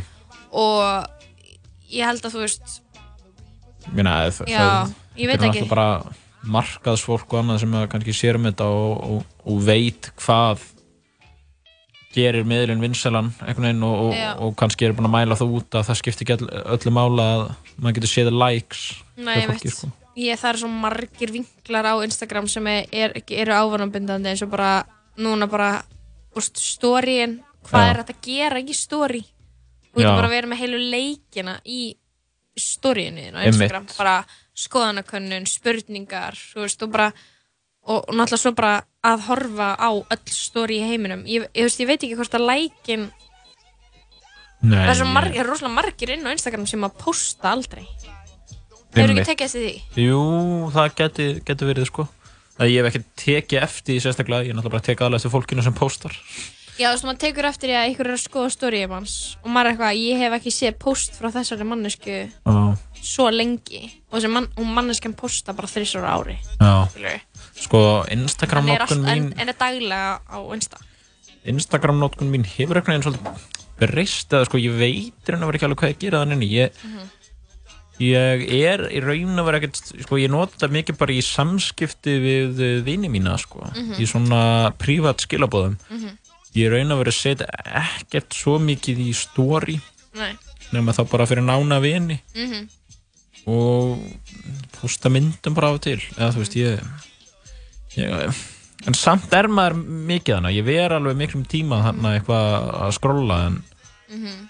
en samt eitthvað ég er svona, mér leiðist þetta orðið meira sko Já, ég er farin að nota þetta, nota þetta í svona miklu áhuga leysi Já. Þú veist þetta er ógíslega leiðilegt sko. Já. í rauninni svona þegar þú veist þegar að kem, þú veist þú ert kannski búin að eða segjum þú eða kannski klukktíma inni svo bara eitthvað eftir hann klukktíma þá varstu bara betur, hvað var ég að skoða fannst mér það skemmtilegt bara Mm. nei Nei, af málið, hverju sko, var ég að því málið er að mér finnst, uh, ég stend við það, mér finnst Facebook langskemmtilegast vegna Mhm. þess að þar get ég séð myndir Mhm. en uh, ég get líka bara séð sko statusæja fólki og skrif deilingar, skoðanir Mhm. uh, og allt þetta sem maður fær ekkert mér er, þú veist, þannilega alveg sam, en hver er að gera status á deilingar úst, það er enginn okkar aldrei eitthvað virkur á fésinu nei, en minna þá er þetta bara eitthvað að eldra fólk eldra fólki já. já, já, eða þú veist, ég veit það ekki mér, finnst alltaf fínt, fæ fréttir þarna inni Mhm. líka og svona, Mhm. sem ég les Mhm. um, og ég meina þú veist, yngra fólk er ekkert mikið að skrifa eitthvað á Instagram nema Nei. þá bara eitthvað boring mér finnst bara fáir einhvern veginn vera að tjá sig já, nema með mynd já, eða þá einhvern svona eða þá ofta einhvern furðulegan hátt á Twitter já, um veit og það verið tjáningin ofta eitthvað svona, og svona kalt henni já, bara eitthvað grín sko, Mhm, sem er bara fínt líka Mhm. með Twitter, uh, Twitter fínt Mhm. svona fínt að fá smá en ég er líka orðin minna virkur þar Mhm. ég er svona eitthvað læka efstu fimm tweetin og síðan bara loka í appinu einhvern veginn Mhm. hvernig er þú með þetta? Hva, hvað ert þú að nota mest? Sko ég held ég noti Instagram mest en uh, mér finnst líka gaman að taka bara svona að vera í góðu skapi að tvíta bróksla mikið. Mm -hmm. veist, og ég tvíta oftast bara ef mér leiðist sko. Já, ég mitt en uh, það er líka rosalega gott að setja dótvar út til þess að svona fatta einhvern veginn hvað er fyndið bara. Að ef ég set einhvern veginn þetta upp svona er fólk að fara er fólk að fara að finnast að fyndi það er alveg svona góð æfingi að vera fyndin Já, svona í einhverjum stuttuformi, textaformi sko. Já, en þú veist í rauninni þá getur þetta bara, þú veist, eitt lítið tvít það getur síðan bara orðið alveg heill brandari Já. ef þú, þú veist það er svona eitthvað svona kveikja að því skilur Já, ég mitt þannig að mér finnst það mjög gaman en mér finnst líka bara gaman að bylla þar inni sko, en ég er bara ég hef alveg ofta reynd að hætta Twitter ég er bara einhvern veginn fer alltaf ánga aftur. Mér finnst það eiginlega bara óslag gaman Já, ég mitt, ég, ég skil það alveg sko. Og ég er svona, ég, ég náttúrulega fylgist alveg með ég, ég skoða þannig og svona Mhm. en ég er ekki duglegur að tvíta, ég finn mig aldrei knúin til þess. Nefnir mitt er mér leiðist hrikalega svona að kvöldi til. Og segja, já, ég, ég tvíta einhver núna. Skrifa Mhm. eitthvað inn og, og, ít á tvít mm skemmtilegt. Bara fínt, en annars er Facebook alveg klárlega langskemmtilega sko.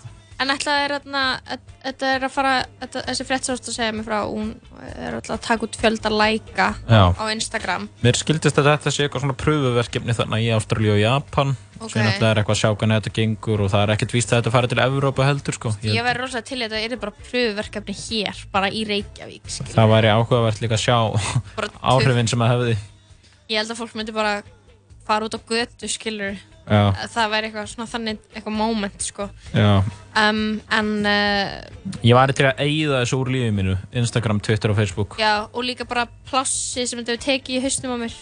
Kannski bara líka, ertu að meina svona eigða þessu lífinu en líka þú veist, ég væri til að eigða minningunum skilur Já. bara svona bara að, að ég veit, veit ekki þetta konsepti til Nei, en Ha- ég meina var, þóttu fínt að bara ég er eiginlega hættur að tjá mig eitthvað mikið á netinu eða skrifa eitthvað eða þú veist, eitthvað svona. Ég pæl, pæl ekkert mikið í því og þá þarf ég í raun að vera ekkert að pæla í neinuna já, sko. Þegar mér er alveg sama um hvað fólk er að tjá sig á netinu nema þetta sé eitthvað bara fárlegt bara heyrðu, hérna, þú veist bara, þú veist, forsetin sagði þetta á Twitter, skilur þá kannski Það er skiptir að máli, en það er ekkert að gera skort þér. Jú, ok, sko, þegar að komi ljós hver væri borin gilvi sig það skipti máli, þá var gaman að vera á Twitter. Já, en ég meina Það það, skiptir samt engum máli. engum máli, þú veist, mér er bara alveg sama En ég væri til að, þú veist, hefur þið séð Eternal Sunshine of the Spotless Mind? Þar sem að Jim Carrey er að deyta karakterinn að Kate Winslet og hann fyrir svona meðferð til þess að eigða minningum um hana úr haustum á sig svo hann getur komist yfir ástasorgina Mm. ég væri til að fara í þannig meðferð til þess að eigða minningunum mínum út um Instagram og Twitter og ég myndi aldrei, þá myndi ég aldrei þurr þá myndi ég bara geta, það verður bara eitt úr símanum mínum, ég myndi aldrei þurfa að fara inn á það aftur skilur við ég myndi aldrei vita bara hvað það er næs að að skrolla hrætt í gegnum story. Mm. eða hvað það er næs þegar að þú varst að gera Einmitt. og það fer mörg fyndin atkvæði skilur við Já, ég elska að gera gott poll sko. Já, það er bara mjög fínt. Þarna við ætlum að hlusta á lag með Mario. Við erum í romantísku skapi. Já. og komum aftur að vörmu. Yeah. Mm, yeah, yeah, yeah. Mm, uh, mm, yeah. Mm, yeah, yeah. Baby, I just don't get it. Do you enjoy being hurt? You smell the perfume, the makeup on his shirt. You don't believe his stories. You know that there are lies. Bad as you are, you stick around, and I just don't know why. If I was your man, baby, you never worry about what I do. I'd be coming home back to you every night, doing you right. The type of woman deserve good things. This for the diamonds, a handful of rain. Baby, you're a star. I just wanna show you you are. You should let me love you. Let me be the one to give you everything you want and need. A baby, good love and protection. Make me your selection. Show you the way love's supposed to be. Baby, you should let me love you, love you, love you, love you. Yeah. Listen, your true beauty's description looks so good that it hurts. You're a dime plus 99, and it's a shame. Don't even know what you're worth. Everywhere you go, they stop and stare, cause you're bad and it shows. From your head to your toes, of control. Baby, you know. If I was your man, baby, you never worry about what I do. I'd be coming home back to you every night, doing you right. You're the type of woman deserves good things. For the diamonds, a handful of rings. Baby, you're a star. I just wanna show you you are. You should let me love you. Let me be the one to give you everything you want need. Oh, baby, good love and protection. Oh, make me your selection. Show you the way love's supposed to be. Baby, you should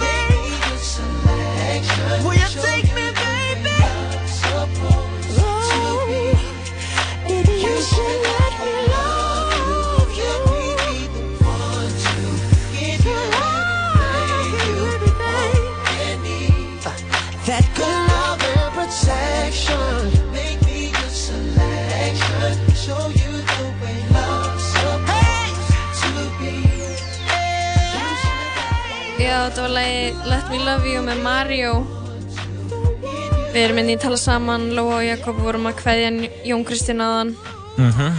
með sagfræðina, Tómi Steindors var einn aðan hjá okkur. Nú erum við að fara yfir fréttir. Já, það er nú austfyrski staðarmiðlinn Austur frétt fulleriðir að klámyndband sem tekið voru upp á íslensku hóteli hafi farið í dreifingu á vinsætti klámstíðu síðu um stuttastund í lók síðasta mánuðar. Fólki sem stóð að myndbandinu hafi verið starfsfólk hótelsins. Það hafi síðan verið látið fara vegna málsins. Ok, hvaða hótel erum við að tala um? hérna?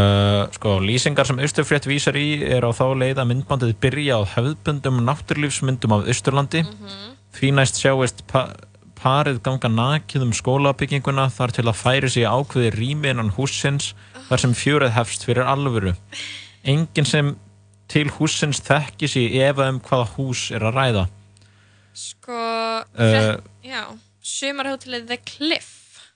Þannig að þetta er í heimavist hjá verkmyndaskólanum. mitt, þetta er í neskupstað Já, vá. uh, og þetta er uh, já, þetta er hvað er þetta, reikið af Hótel Hildebrand Sko, hérna, já, og svo kemur hérna fram Þetta er saklist í byrjun svo verður það sífælt blára og loks aðeins dökkblátt Já. Er haft eftir ónamgreitum norðfyrringi Mér langar smá að horfa á þetta, sko Já, Ég, ég hef aldrei séð Sko- Íslands klám. Haftir eftir hákonni Guðröðar sinni hótelstjóra þar að bæ að um leið og stjórnendur hótelsins hafi fengið veður af tilvæsmyndbandinsins hafi þeir, þeir krafist þess að það er því fjarlægt af efnum og gengið hafi verið frá starfslokum fólksins vegna málsins. Myndbandið hefur verið fjarlægt af efnum en það var gert byrjuðum, það var gert uh, En þegar það var gert var myndbandi með nokkur áhorf uh, Ok. hann segist hans ekkert verið að tjá sig neitt meira þetta. Uh, ég hef gist á hótel Hildebrand sko. Uh, Þetta er sérst hótel á, á Austurlandi á Neskjöpstað sem er sérst örgulega bara opið yfir sumarið á í heimaðastarhúsi verkmyndaskóla Austurlands.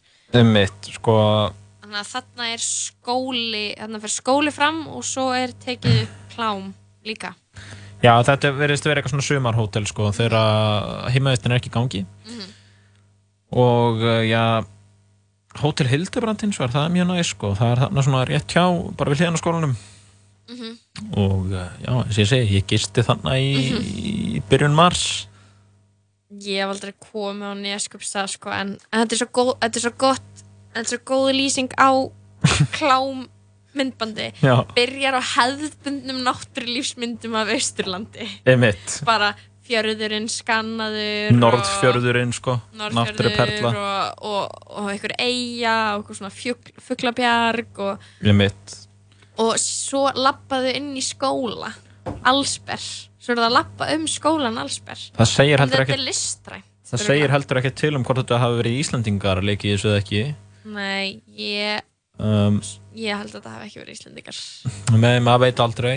Uh, en síðan er ég líka að velta fyrir mér ætla þetta fólk hafi svona ráðið sig þarna með þetta í huga?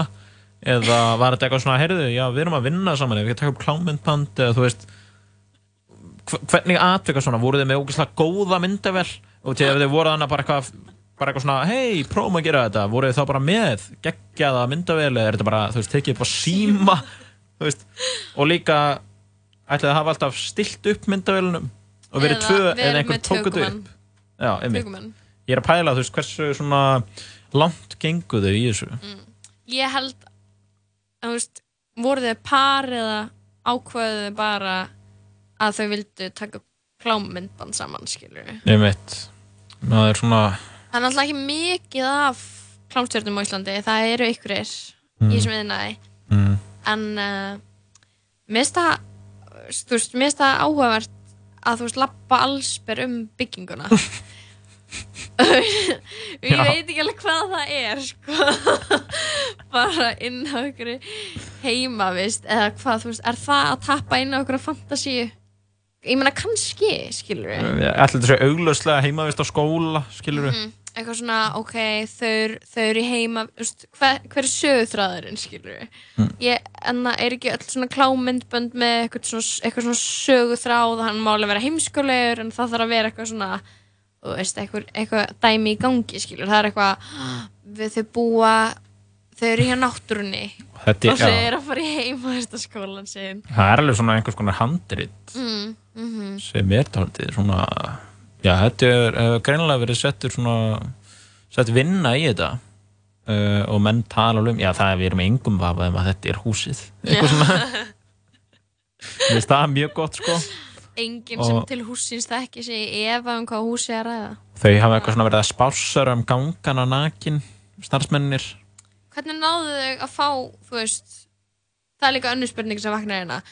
Hvernig var húsið tómt? Er þetta ekki hótel? einmitt Þú veist, er þetta tekið upp á nóttu til eða þú veist, er það bara gærið, prófum að gera þetta núna bara vona með enginn komi er bara, heyri, still upp einhverju myndavél er bara check out klukkan 10, check in er klukkan 1, það er hérna fjara tíma rammi mm. meðan check, þú veist, meðan það er enginn Leika allir þetta aðeins svona, þau hafa tekið upp þau að lappa nakin, farið síðan í föt, haldið áfram að vinna og klára þetta síðar. Var þetta ekki tekið allt í einni lótu, skilur?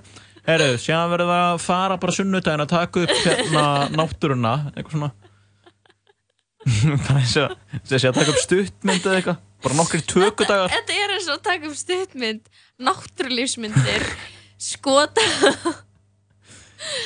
oh my god bara í nýjaskapstað þarna eitthvað í Norðfjörðinum eða ætlaði að hafa líka farið til Eskifjörðar og eitthvað að teki- tekið myndbönd það við verðum að ná hérna einum kletti á eski fyrir að vera líka að fara yfir reyðafjörðin og ná þú veist, einhver skoti þar. Sem mitt hversu, í hversu marga fyrði hafa þau farið? Hvað ætlaði myndbandið að hafi heitið? Ég, anna uh, young couple. Young amateur couple. Nei, ég get það ekki. Það er ekki að koma. Eitthvað in beautiful Icelandic nature. Mm. um, sneak off in an abandoned school. Já, einmitt. Eh, það verður auðvitað heitið eitthvað eitthvað svoleiðis. Eh, það er, er skarplega aðtöðað öll myndbönd heiti eitthvað svona. Já, einmitt. Um, en uh, þar höfum við það. Þetta var svona skemmtilegur skemmtileg frétt uh, já, ég var nú alveg að til ég að hlusta á eitthvað gott hvað hérna, hvað hefur, hefur upp á að bjóða? Ég ætla bara að spila hérna bara uppáhaldslægi mitt með Cardi B. Lægi Be Careful.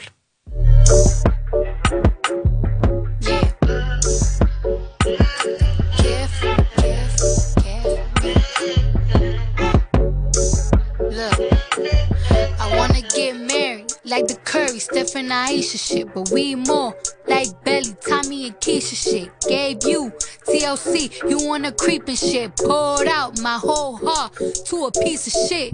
Man, I thought you would've learned a lesson. About liking pictures, not returning texts. I guess it's fine, man. I get the message. You still stutter after certain questions. You keep in contact with certain exes. Do you though? Trust me, nigga, it's cool though. Said that you was working, but you out here chasing culo and putas, chilling poolside, living two lives. I could've did what you did to me to you a few times, but if I did decide to slide, find a nigga, fuck him, suck his dick. You would've been pissed, but that's not my MO. I'm not that type of bitch, and karma for you is gonna be who you end up with. Don't make me sick, nigga. I adore.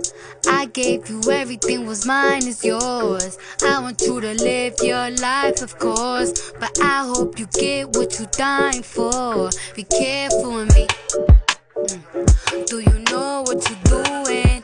Whose feelings that you hurting and bruising? You gon' gain the whole world, but is it worth the girl that you losing? Be careful with me. Yeah, it's not a threat, it's a warning. Be careful.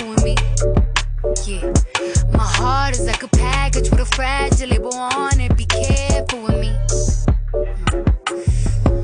Careful me, care for me. Always say that you'll be there for me, there for me. Oh, you before all of this. Guess you acting out now, you got an audience. Tell me where your mind is, drop a pin, what's the coordinates? You might have a fortune, but you lose me, you still gonna be misfortunate, nigga. Tell me, this lust got you this fucked up in the head? You want some random bitch up in your bed? She don't even know your middle name. Watch her, cause she might steal your chain. You don't want someone who love you instead? I guess not though, it's blame disrespect. You nothing like the nigga I met. Talk to me crazy and you to forget. You even got me tripping. You got me looking in the mirror different. Thinking I'm flawed because you inconsistent. Between a rock and a hard place, the mud and the dirt. It's gone. hurt me to hate you, but loving you's worse. It all stopped so abrupt. You started switching it up. Teach me to be like you so I cannot give a fuck. Free to mess with someone else. I wish these feelings come melt. Cause you don't care about a thing except your motherfucking self. You make me sick, nigga. I adore. I gave you everything was mine is yours. I want you to live your life, of course. But I hope you get what you're dying for. Be careful with me. Mm. Do you know what you're doing? Whose feelings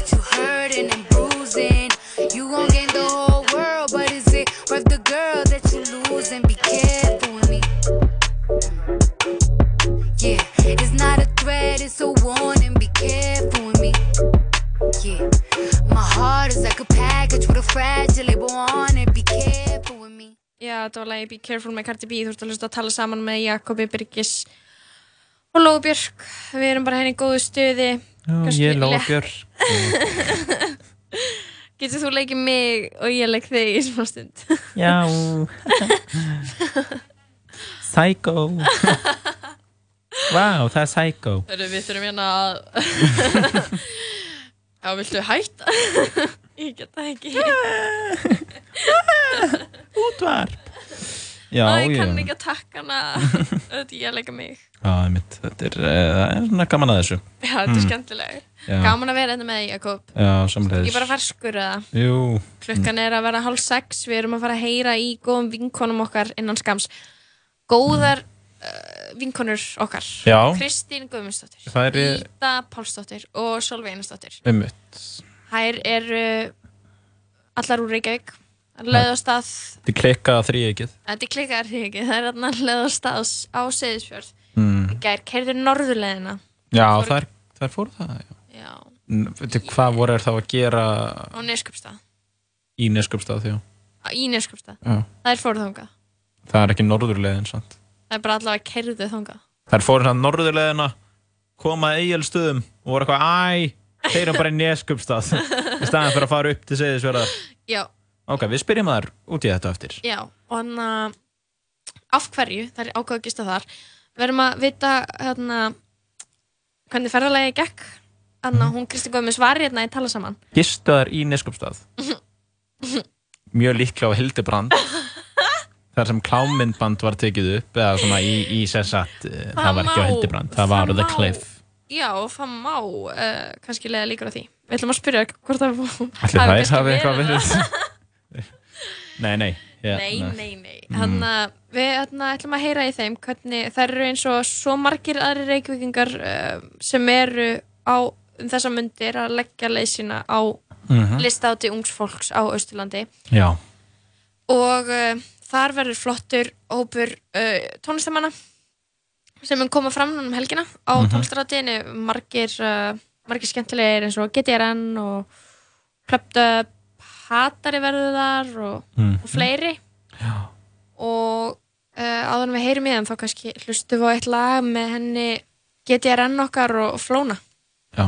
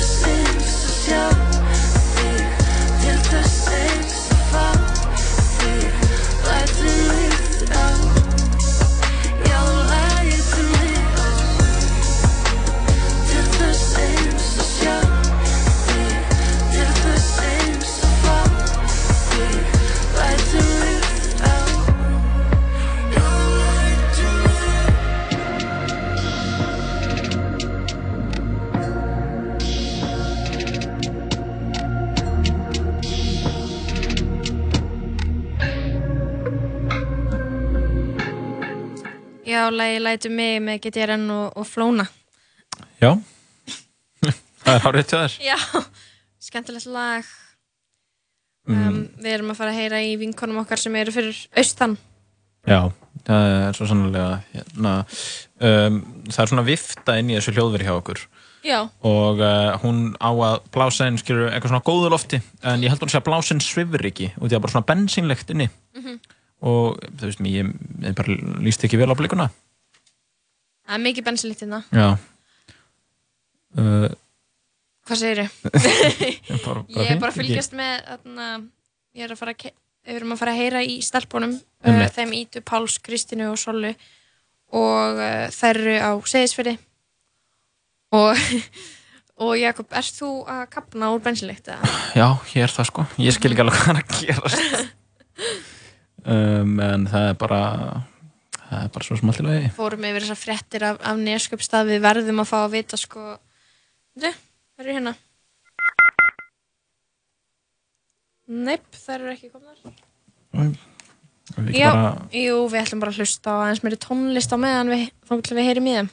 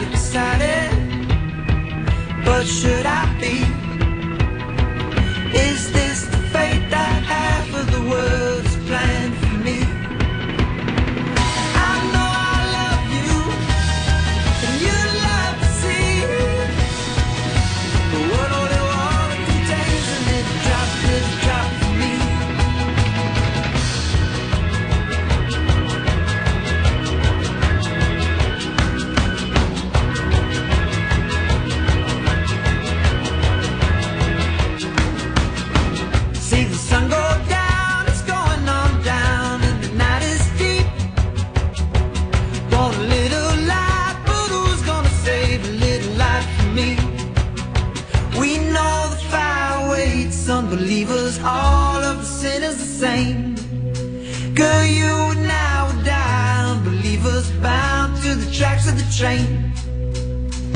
I'm not excited, but should I be?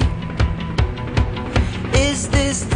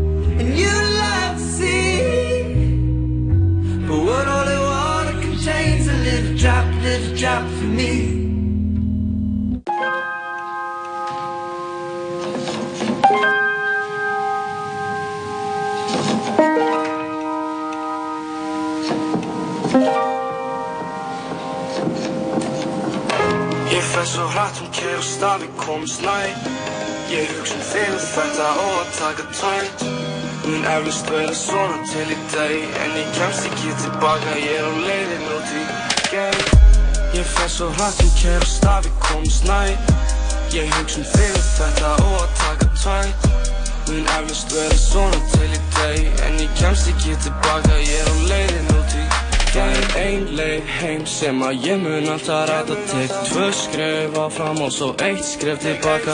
Vandræði sem elda mig, ég veit að mér að kenna. Vandamálin þekkja þig og hvar á ég að leita?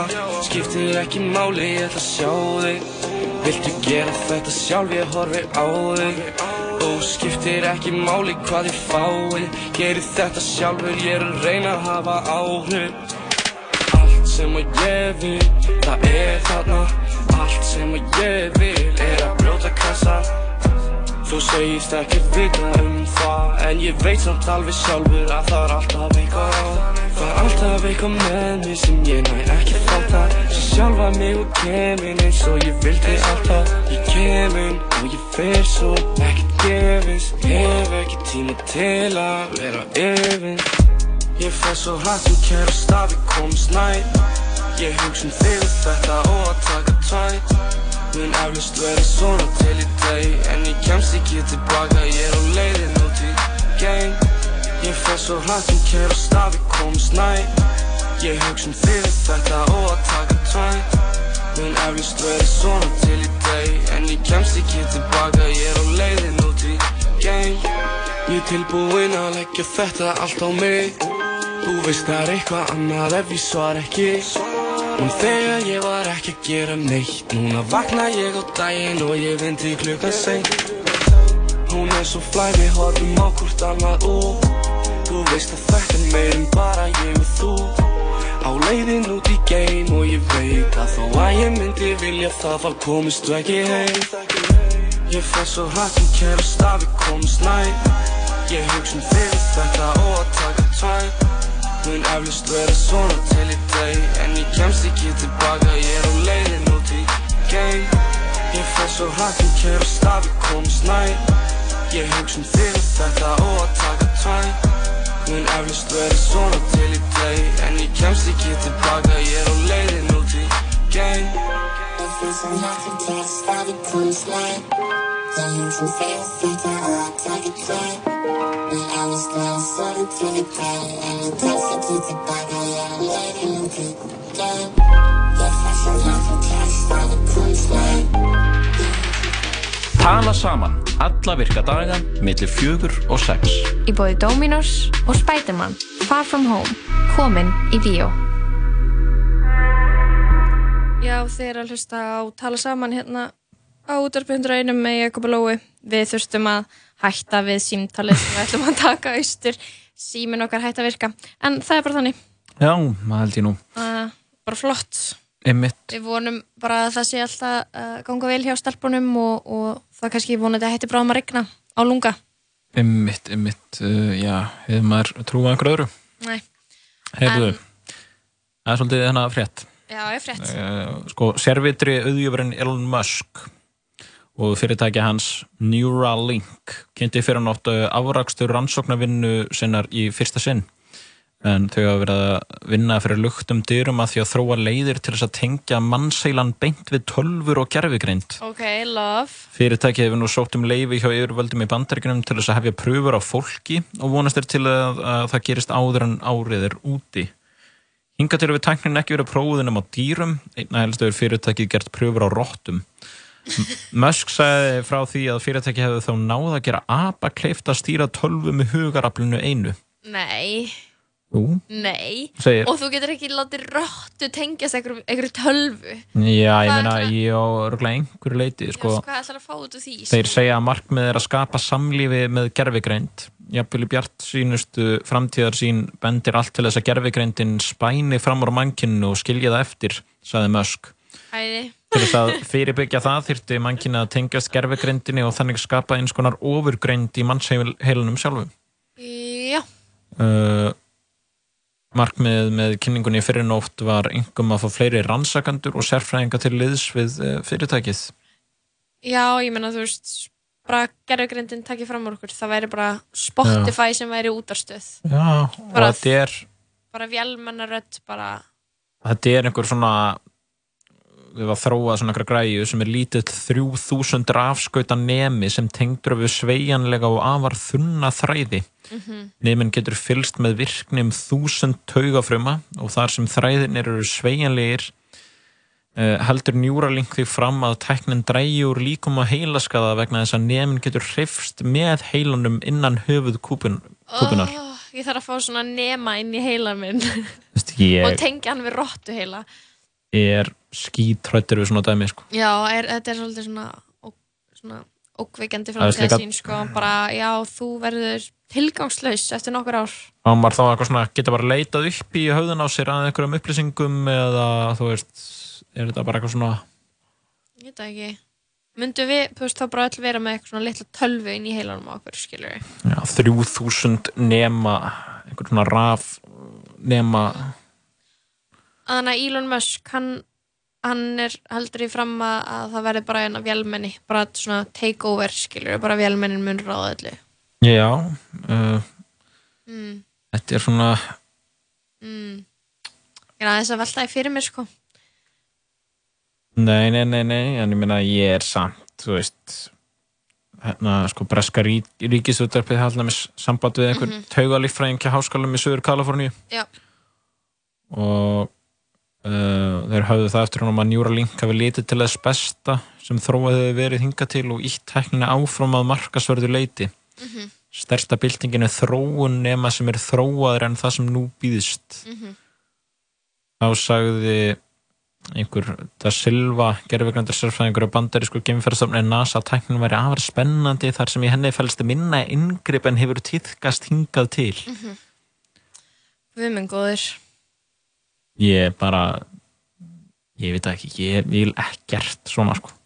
Sko, fyrirhandi kærastan hans, Elon Musk, hann kanadíska tónlistakonan Grimes, já, hún var að, hún var að taka þátt í einhverju auglýsingaherfer fyrir Adidas. Já, og hún fer inn á eitthvað svona fer aðeins inn á þessa slóðir hún eitthvað svona byrt, eitthvað svona hérna, allar að byrta eins og svona stjörnur gera oft svona frækt fólk eitthvað Mm. byrt, byrtir, þú veist, fitness veist, rútínu sína eða svona hvernig það heldur sér, heldur sér í formi og hvað það gerir í gymminu og eitthvað þannig Einmitt. og hún einhvern veginn skrifa bara eitthvað algjört bull hún segist, þú veist, kvíla sig og er bara, hún er bara inn í eitthvað svona framtíðar sín eitthvað svona dystopíu þar sem hún eitthvað svona er búin að segist vera búin að fara í eitthvað augnaðgerð þar sem hún sér ekki lengur bláa liti heldur með svona einhvern veginn rauða sjón Mm. og eitthvað svona fer inn í eitthvað svona, eitthvað svona klefa þar sem hún kvíli sig þú veist eins og svona, er oft í svona sci-fi myndum Einmitt. svona sem geimfara að sofa í Já. þú veist, þeir eru út í geimnum og ég veit ekki, gerðu þau ekki bara hvort annað svolítið svona lett geðveik eða, skilur við Ég er Grimes alltaf- og Elon Musk einhvern veginn, þegar þau linkuðu upp það var Núna- bara eitthvað svona Núna þek, þek, þekkti ég náttúrulega ekki til þeirra fyrir þetta samband en, en það má vel vera að þau hafi svona eitthvað já, talað, talað uh, hvort annað upp í einhverja svona klikkun sko. já, en ég veit ekki, veist ég, uh, ég mér langar ekki, veist, mér finnst einhvern veginn líklara að þú veist, fyrst munum við deyja úr einhverju svona hamfaralínun áður en einhvern veginn eitthvað svona gerfigreind fyrir að stjórna okkur, skilur við nema það bara gerist á sama tíma, skilur við. Við náttúrulega bannabörnum okkar munu degja úr hamfarlínunni held ég sko. Mm frekar heldur en einhverjum vélmönum Bara ég að slengja þessu fram hérna. uh, en þið viti eitthvað um ef við ekki að hlusta á eitt lag með henni Grimes uh, fyrir rannandi kæristunars Elon Musk og svo komum við eftir hérna á vörmarspori og hveðjum ykkur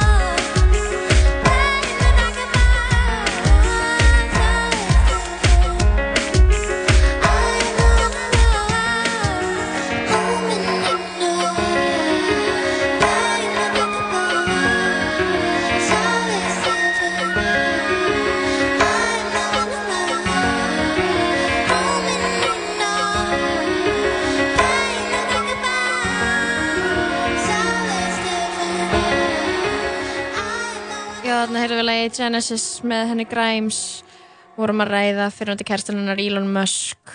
Hann er búinn að finna eitthvað tæki til þess að festa inn í heilan á okkur og eitthvað, ég veit Já, þá, þá eftir að já, þróa það töluvert og, áður en og maður nú bara að sjá sjá hvernig það fer.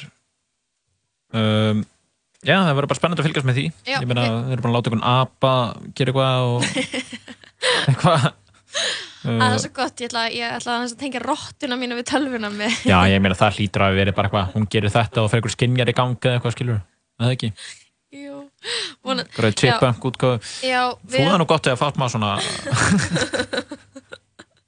Nei, nei, en já, hérna já. Við erum búin að vera að fara við fréttir og aðalega ykkur að finna fréttir eins og þetta klámyndband sem var tekið upp á hóteli á Nýskupstað. Fórum til alltaf að kíkja hanga. Þú vilt að fara að lunga eftir það ekki? Ég er að fara að lunga. Um, ég er bara að leggja stað Já. og vona bara, ég ætla að fara á norðurleðina og stoppa Dalvík og Einmitt. stoppa síðan á Hjaltiri og Ég- eða ef, þeir sem fara samferðum eru til að stoppa aðeins á Hjaltiri og segja dúnúrpu sem ég skildi eftir þar fyrir tveim vikum.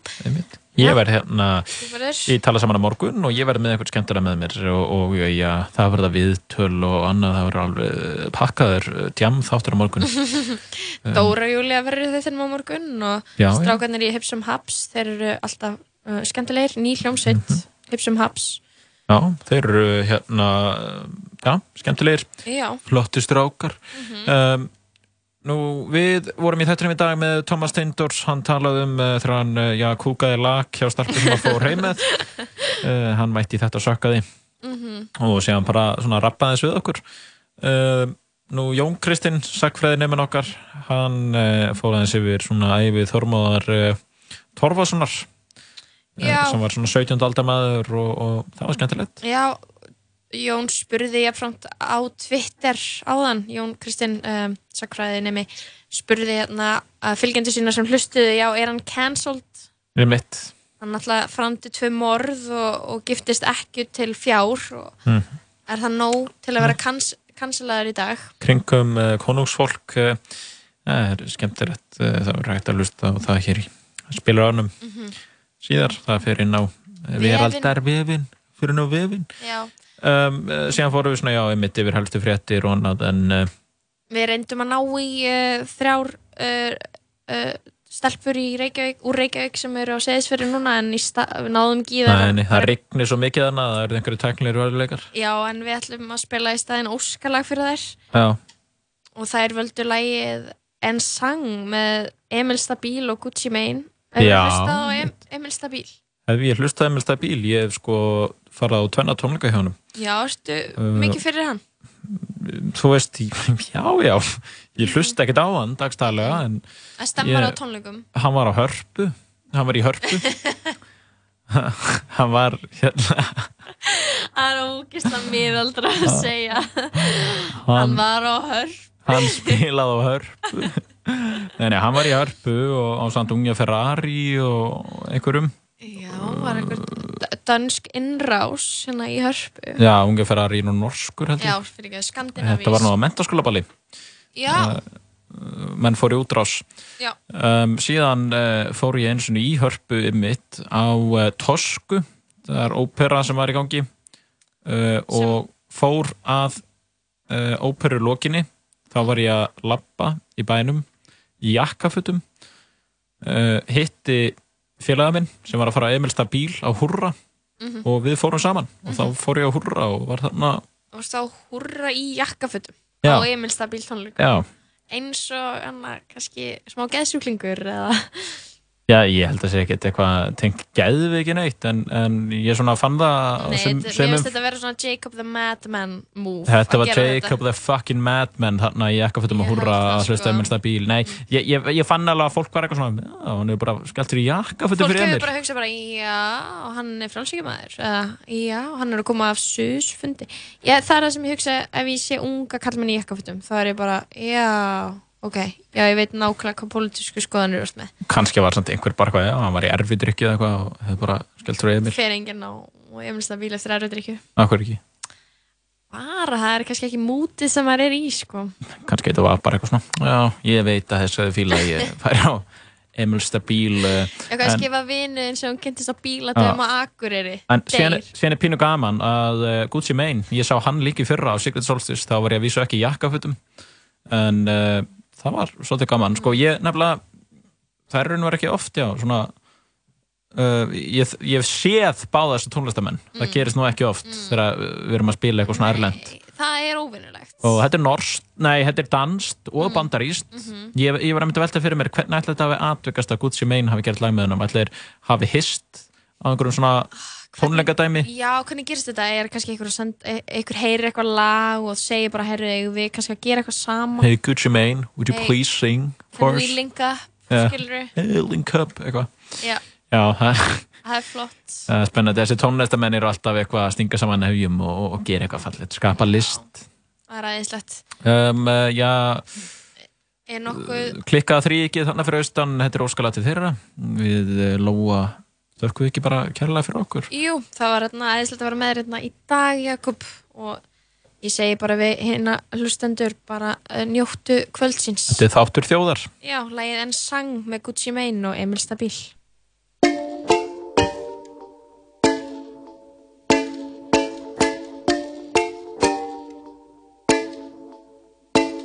This nigga was my homeboy, we used to move powder. Whip coke up, clam chowder. All about the green J Crowder. But then the shit all went sour. High power coward, getting all riled up. Acting like dead bodies can't get piled up. Miserable, having no luck but bad luck. Used to be on, now he walking around fucked up. Dead broke, death stroke, looking for a come up. Blaming everybody, got jammed on a humble. Took my lick like a man, I stood up. Read my paperwork, Gucci man, A1. I ain't by myself, cause I know I won't say nothing. Might as well call my lawyer, I ain't seen nothing. Everybody got a side to play, I chose one. Standing with the real ones, niggas ain't told nothing. Uh, ui, det er Gucci Ja, det er Gucci og stabil uh, ui, det er Gucci og Emil Ja, det Gucci og stabil Diamanter glimter, så det nemt at finde mig Iskold om sommeren, jeg varm hele vinteren Diamanter glimter, så nemt at finde mig Iskold om sommeren, jeg varm hele vinteren Uh, uh, Kalder mig stabil, det er måske fordi jeg er det. Hold bare en pause, jeg er ikke færdig. Hvorfor de er så mærkelige? De ved jeg er noget særligt. Jeg blev født sådan her, du kan ikke lære det. Tak til det kår, jeg har tænkt mig på nogle bær i. Shopper i de år, der tom, når jeg er færdig. Fylder mine lommer til, der ikke er mere plads i. Købte en Gucci feed, men jeg kunne ikke det depressiv Kalder mig stabil, og det er fordi Jeg er ligesom en maskine, du kender stilen Når Emil han går forbi, kigger de For jeg ligner røveri, de stjæler sin. Uh, uh, i. Det er Gucci og Emil. Ja, det er Gucci og stabil. Uh. Det er Gucci og Emil Ja, det er Gucci og stabil Diamanter glimter, så det er nemt at finde mig Iskold om sommeren, jeg er varm hele vinteren Diamanter glimter, så det er nemt at finde mig Iskold om sommeren, jeg er varm hele vinteren Uh, uh,